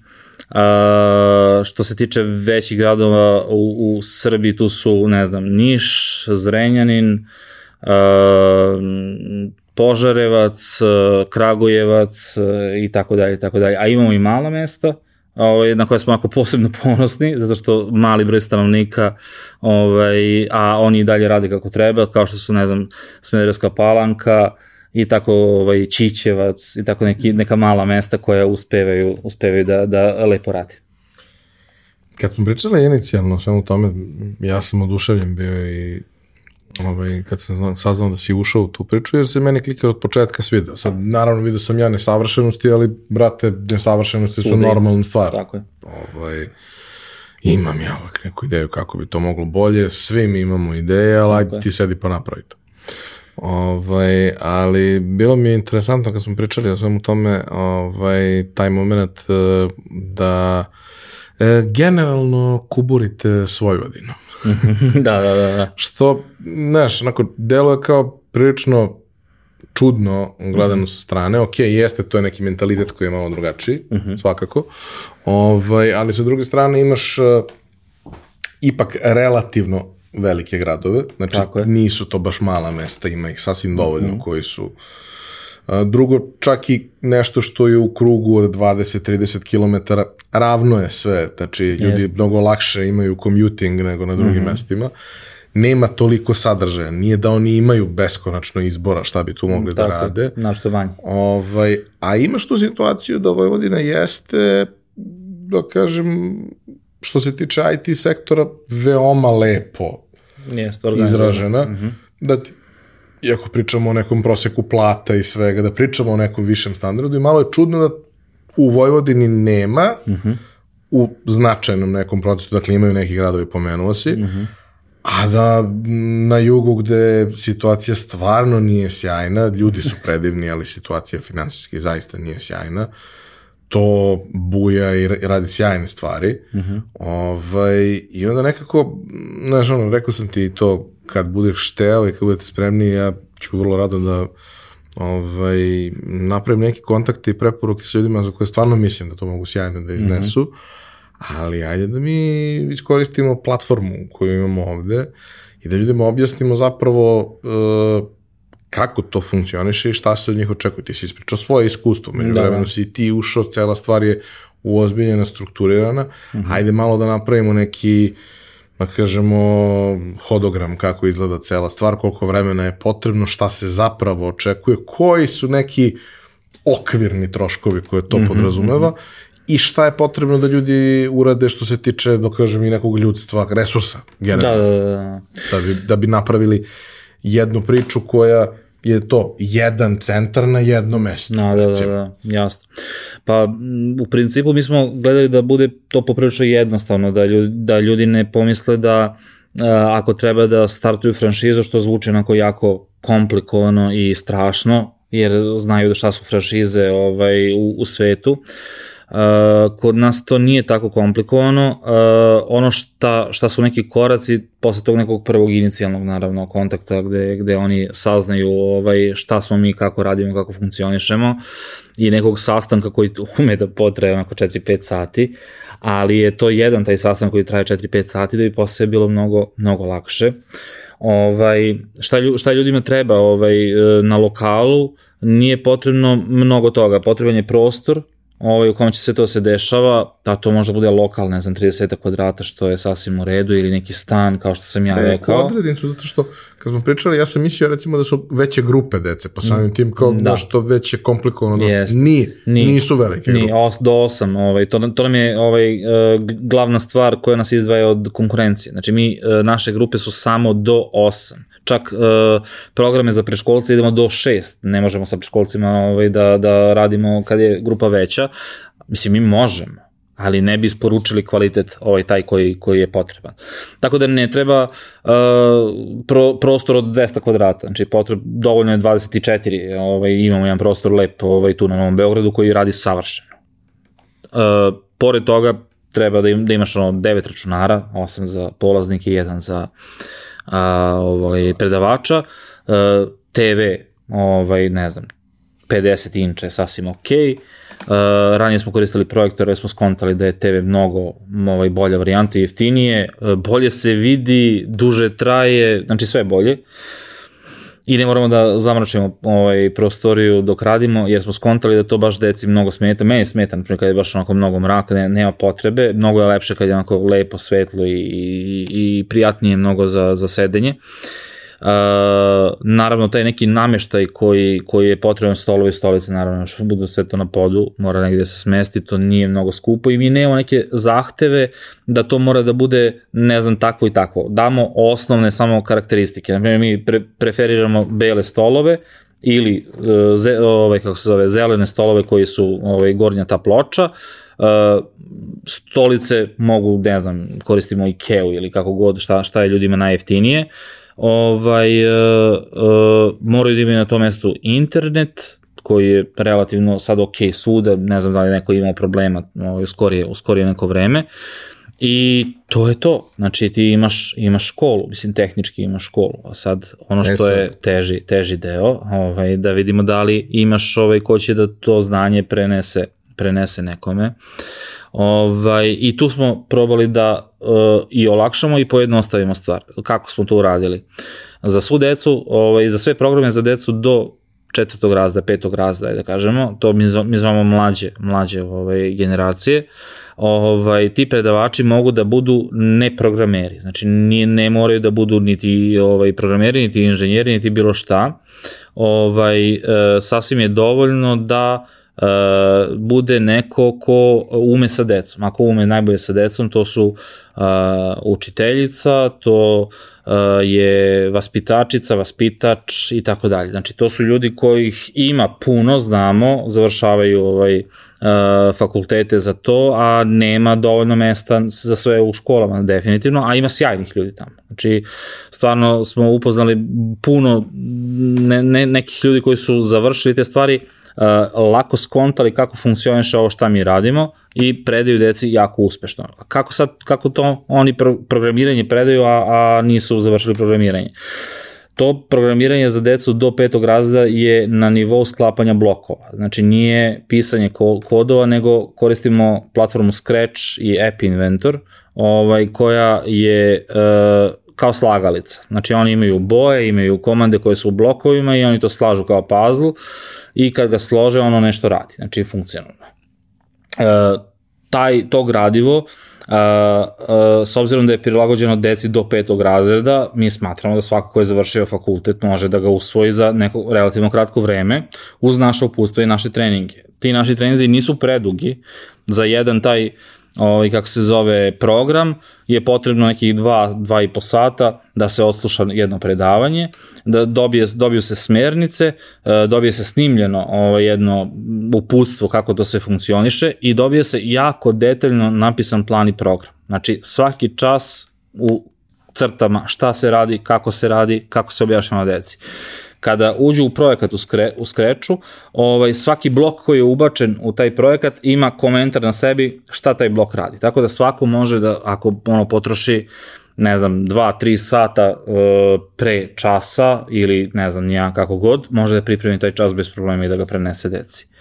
Uh, za ovo sta, za u stariju decu, odnosno za programe za stariju decu, tu opet mora da bude neko ko je malo više stručan, I tu mi ovaj, preporučujemo uh, nastavnike uh, programiranja ili nastavnike informatike ili kako se sad zove u srednjim školama to. Uh, ovaj, koji mogu to da iznesu bez problema, jer to je Python koji je opet mm. početni nivo, e, to je web programiranje gde oni uče HTML, CSS koji je isto početni nivo, e sad imamo, imamo jedan kurs koji je malo ovaj, napredniji JavaScript, ali on isto jako lepo objašnjen, tako da neko ko ima iskustva HTML, CSS može da savlada to vrlo, vrlo lako i da prenese deci. Šta je sad super stvar? Uh, a, oni kad krenu da rade, znači o predavačima ovaj, pričam, a, nisu sami tu, nego imaju uh, koordinatora nastave koji je zadužen da kakav god oni problem imali u pripremi nastave ili u samoj nastavi, oni mogu da pozove da kažu ja ne mogu da se snađem s tim, možda neko mi pomogne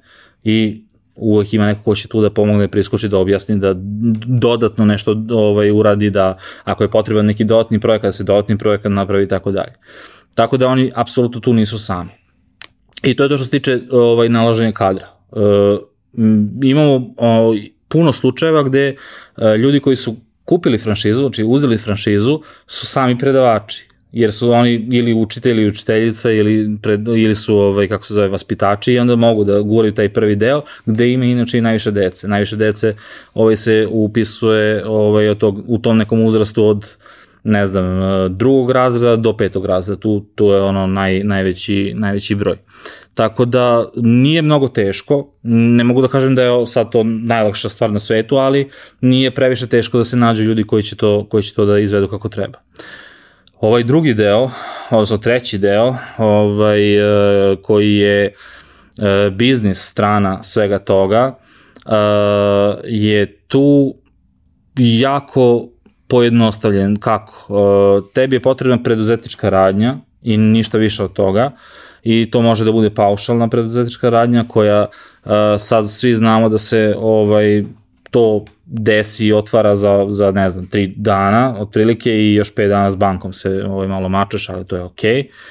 Dok im ovdje da pečat nećeš. Uh,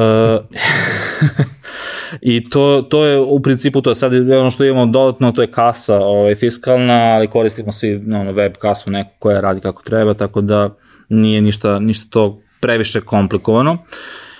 I onda do, jedino šta ostaje ljudima kao ovaj, strašna stvar, ko će meni da doći uopšte tu, odnosno kako ću ja da to izreklamiram.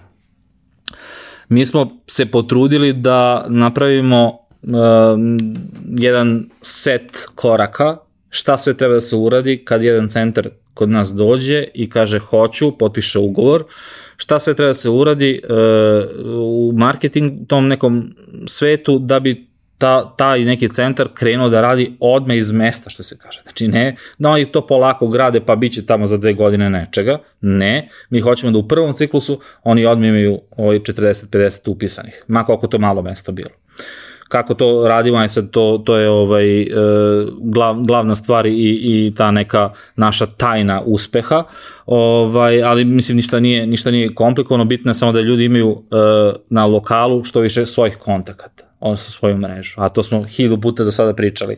Gradite ljudi mrežu, ljudi, poznanstva, da li je to biznis, da li je to prijateljstvo nevezano za biznis. U nekom trenutku će to da vam se onako vrlo lepo vrati, to nije nikako iskorišavanje ljudi, naravno, to je, to je jednostavno pomoć te neke zajednice koje je tu oko tebe i to je ono što je uh, većini ljudi koji su jako brzo startovali najviše, najviše donelo. Znači, ako su imali svoju zajednicu prijatelja veliku, oni su jako brzo ovaj, startovali svoj, svoj centar. Naravno, e, mi e, svaki godinu dana održavamo e, seminar gde svi naši franšizeri dođu na jedno mesto, skupe se, imamo dva, tri, četiri predavanja, da li su na temu PR-a, da li su na temu samog marketinga ili nečeg tehničkog šta, šta je bitno za, za samo funkcionisanje škole. A pored toga trudimo se da im snimimo što više tutoriala video, pošto to trenutno naj, najlakše ljudi nekako svare ovaj, kad im se pošalje, da oni mogu sami to na lokalu da rade. Ako i to ne, ne štima, mi vidimo da to ne funkcioniše, a opet imaju nekoga ko će da im priskoči da kaže, ej ljudi, ovo uradite ovako, bit će vam bolje, ovo nemojte da radite, ovo vam nije dalo rezultati i tako dalje. Znači, to je ta podrška koja je glavni uh, stub uh, uh, franšiznog poslovanja. Znači šta ti kao kad kupiš franšizu, zašto je to dobro? Dobro je zato što prvo dobiješ brand koji već je ustaljen, postoji, ljudi su čuli za njega. Drugo, uh, kupuješ sistem uh, koji već funkcioniše negde i zna se tačno kako treba da se radi, znači ne praviš ništa od nule. Uh, naravno kurikulume i sve što je potrebno za to. Uh, treća stvar je podrška.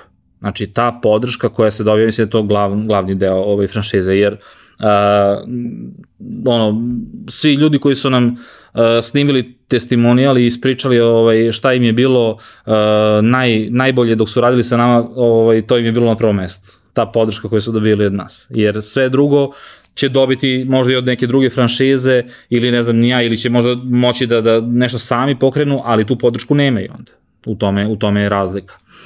Uh, što se tiče nekih tih troškova koje si napomenuo na početku, uh, pored kupovine ovaj, te opreme, uh, koja može biti i nova i polovna, to moram da, da napomenem, ništa nije strašno reciklirati, to je čak i ovaj, super za planetu, jer nama ne trebaju računari koji će da renderuju film ili 3D model neki, nego su to računari koji treba da rade neke jednostavne stvari znači, pored svih tih troškova, postoji neka ulazna naknada koja je u stvari kupovina tog našeg brenda i svega toga šta, šta mi njima dajemo i ona je jednokratna i sad zavisi, ovaj, možda bude od 1500 do 3-4000 evra, zavisi od veličine teritorije. Znači, to bukvalno zavisi koliko ima stanovnika na toj, na toj jednoj teritoriji. Ovaj, a e, posle toga, e, s, od kako, kako ciklus idu jedan za drugim, uh, jedina obaveza koja je ka franšizi je ta franšizna naknada uh, redovna koja iznosi 10% od prihoda i to je sve. Znači bukvalno tu prestaju svi troškovi koji idu, idu ovaj, uh, na teret ljudi koji su kupili franšizu. Dobro, mislim da si lepo ovaj, objasnio celu stvar. Uh, vidim, uh, ja znam da ljudima vrlo teško da bilo šta prodaju. Ima ljudi koji se bave prodajom i njima ništa nije teško da mm -hmm. prodaju, ali prosječnom čoveku je vrlo teško da nešto prodaje, zato što najčešće dolazi u situaciju da prodaje nešto u što ne vera. Mm, da.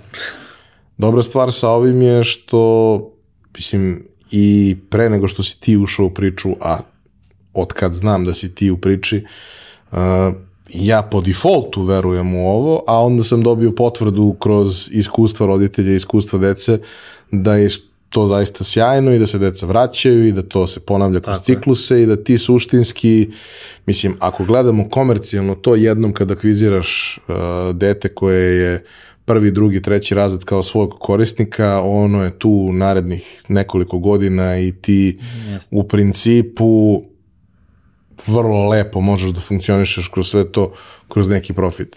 Da li je cimanje? Naravno da je cimanje. Kao i sve. Da li je za osobe koje vole tu vrstu posla najdivniji način da se cimaju?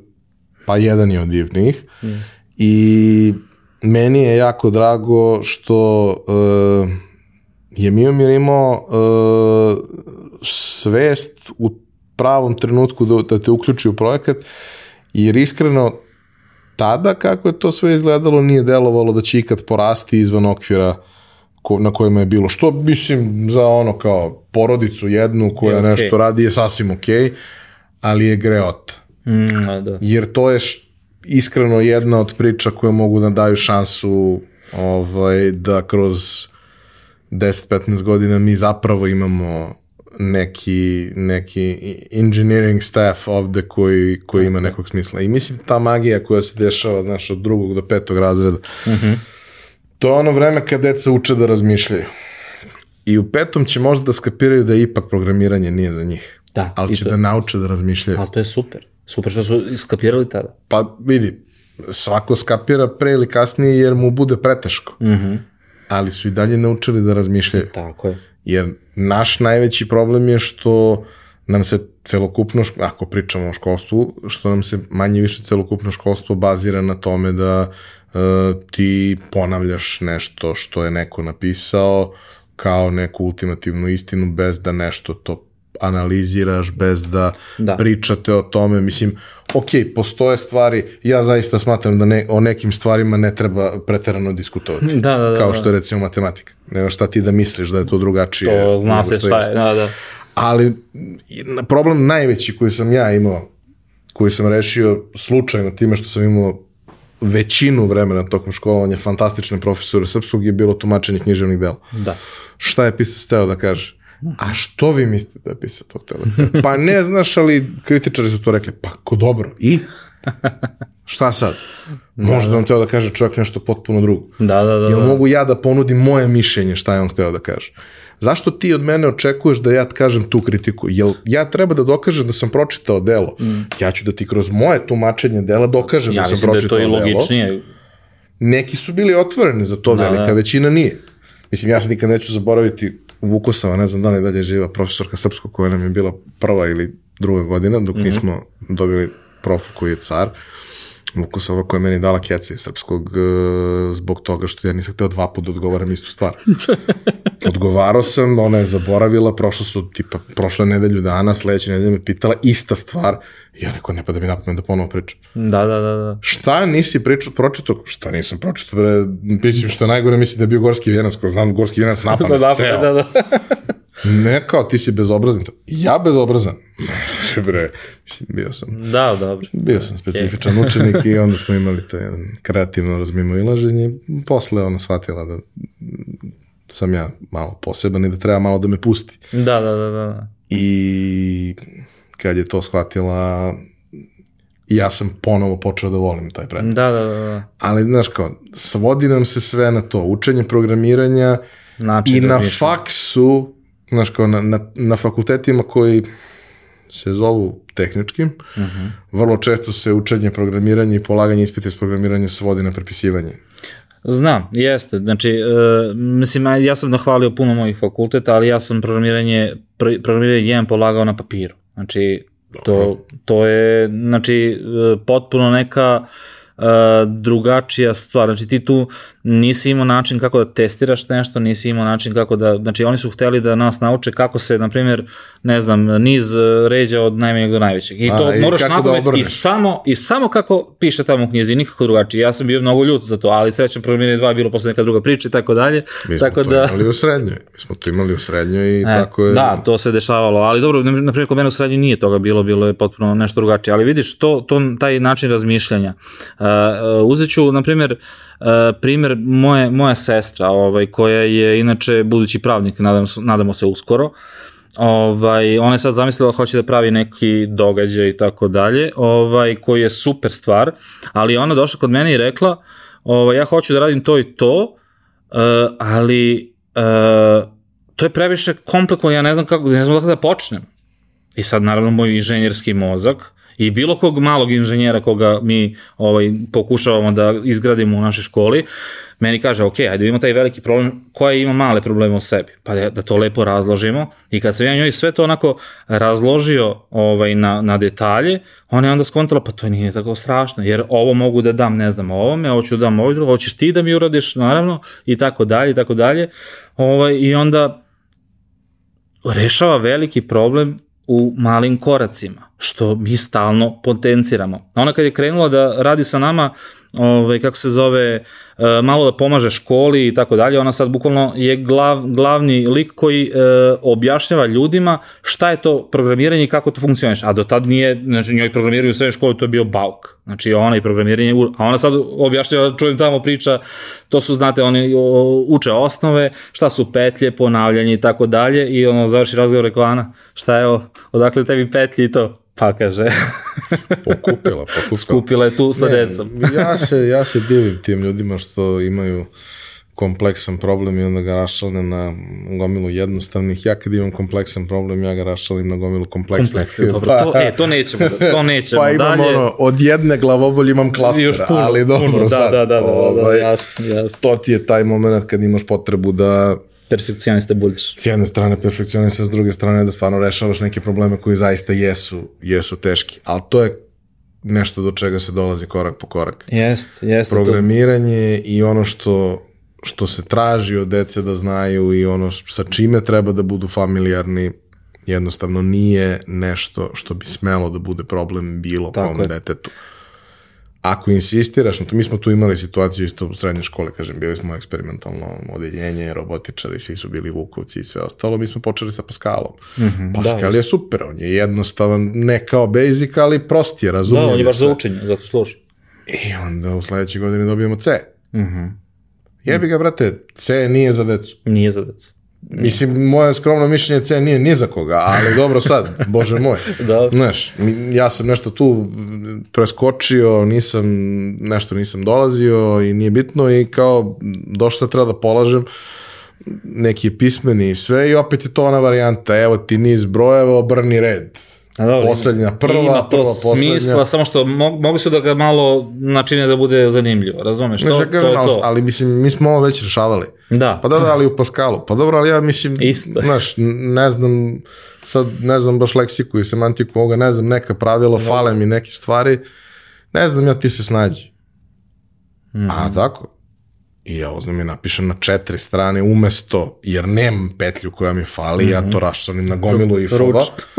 Nikakav problem. Na četiri strane To, to. i kao, ne, ne, ovo ništa ne valja. Ja garantujem da daje tačan rezultat. Da, da. Pa ne, ne, ovo ne valja. Evo lepo, korak po korak, linija po linija, sedi, piši. Sve radi. Pa ne, ne, sedi, napiši. Žena prođe, napiše, sve se pravo. kaže, dobro, u redu, ne moraš da dolaziš, samo nemoj da sediš tu i smetaš. I onda sam ja godinu dana proveo u igraonici kad je bila informatika. Da. Ali to su ti momenti gde, znaš, kao, ok, prvo, zašto učimo C, a drugo, zašto radimo isti problem koji smo radili prošle godine. Mm -hmm. Znamo principijalno kako se rešava, šta, svi će budu programeri. Mm -hmm. Pa ja mislim da zapravo, mislim da niko nije developer. Od cele generacije. Znači da sam ja možda najbliže tome, jer se jesam bavio programiranjem mm -hmm. godinama i dan danas nekad sednem nešto da Da, da, da. iskodiram, ali da, daleko je to od nekog hardcore programiranja već 15 godina. Znaš kao šta, šta ste postigli? A ubacili ste deci traumu prema nekim stvarima. To. Kao što je meni, opet zbog nekih drugih razloga, ne znam, trauma prema elektronici i elektrotehnici, jer iako je profesorka bila fantastičan stručnjak, bila je jako loša profesorka Da, da, da. neke stvari koje su takođe bile prezanimljive, jebi ga, možda su bile malo preteške, možda je ulazna barijera bila pogrešna, ne mogu baš da kažem, znaš, mi smo bili sjajna deca, svi smo bili dobri đaci, mm -hmm. jebi ga, ako skoro nikom nije bilo jasno, nemoguće da je do nas. Nije do dece. Naravno, naravno, to se dešava onako x puta.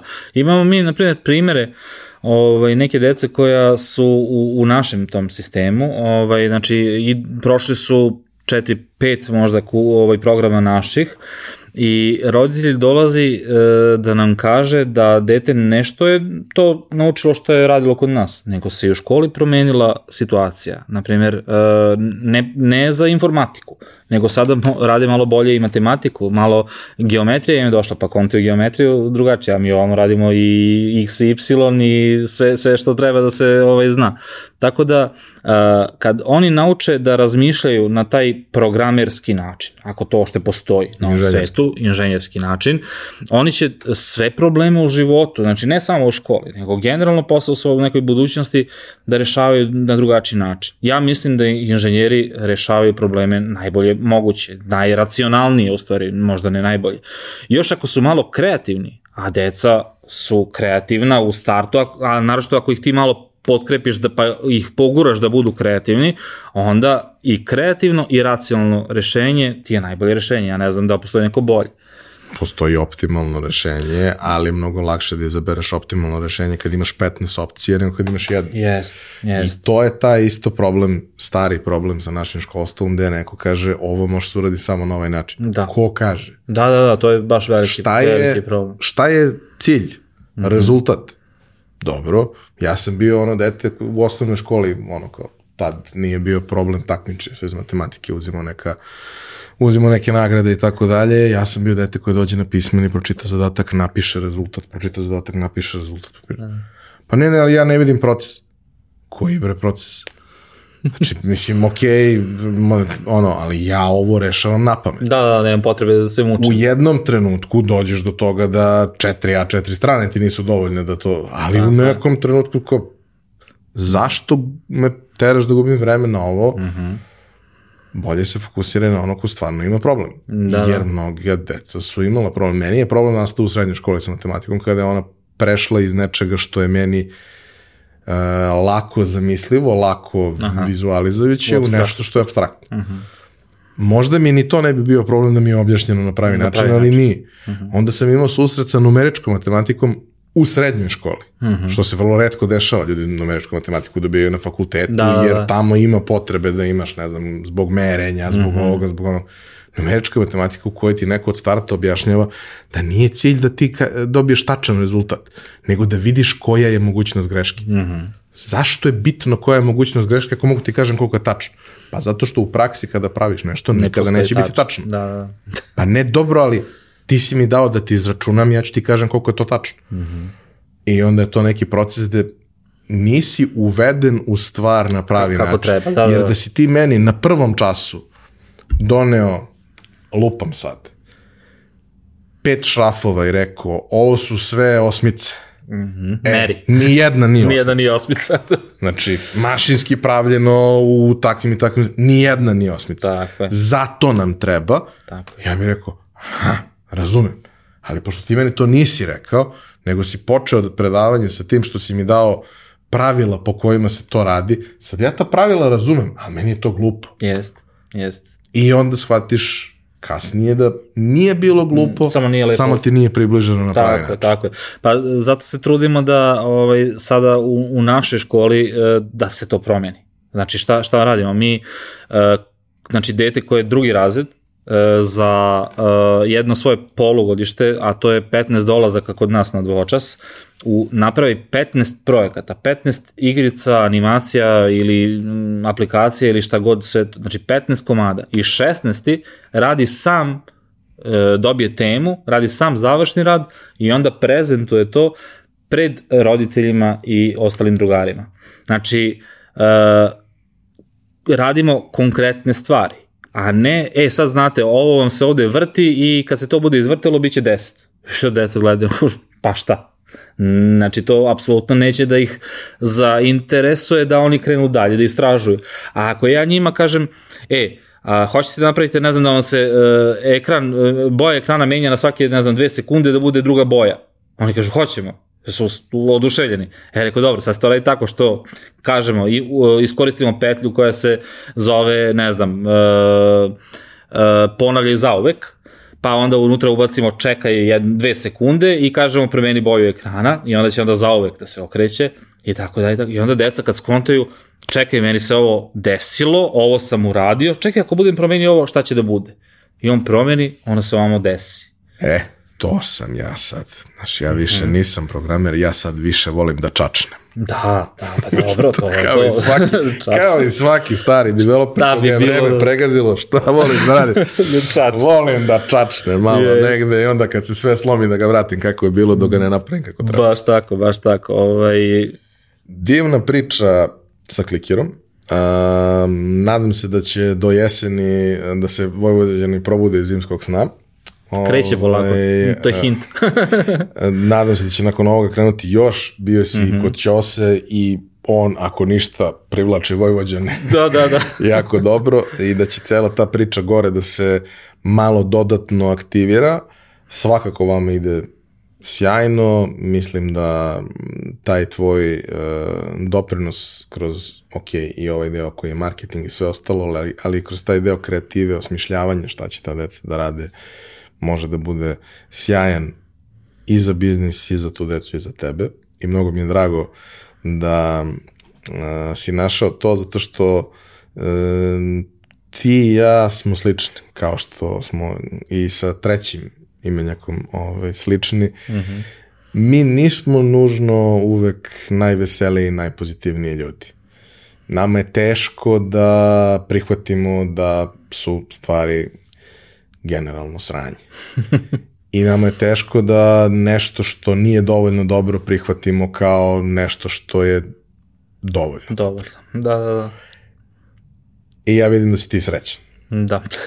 I vidim da si srećan već neko vreme, to je pravi pokazatelj i pravi smer, a i rezultati govore što se kaže, ne znam za ostalo, ali bilan stanja i uspeha Bilan kaže stanja, da to da, da, ide da. kako treba. Ide, da. Ovaj, tako da se nadam da će priča i dalje da se, da se širi, da ćeš ti i druge svoje ideje a, nastaviti da realizuješ i da ćeš opet u nekom trenutku da se malo vratiš za lemilicu i ostale stvari, zato što ja znam da ti to ne možeš da pustiš, kao Nema što ovaj, niko ko je inficiran a, nekim, u nekom trenutku tim mirisom, Da, da. ako ništa drugo, ovaj, ne može to da batali. Hvala ti što si bio, što si podelio.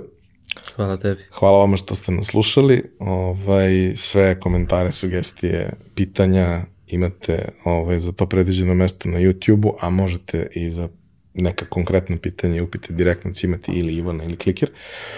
Ovaj, to bi bilo to za, za ovu nedelju. Mi se vidimo ponovo naredne nedelje.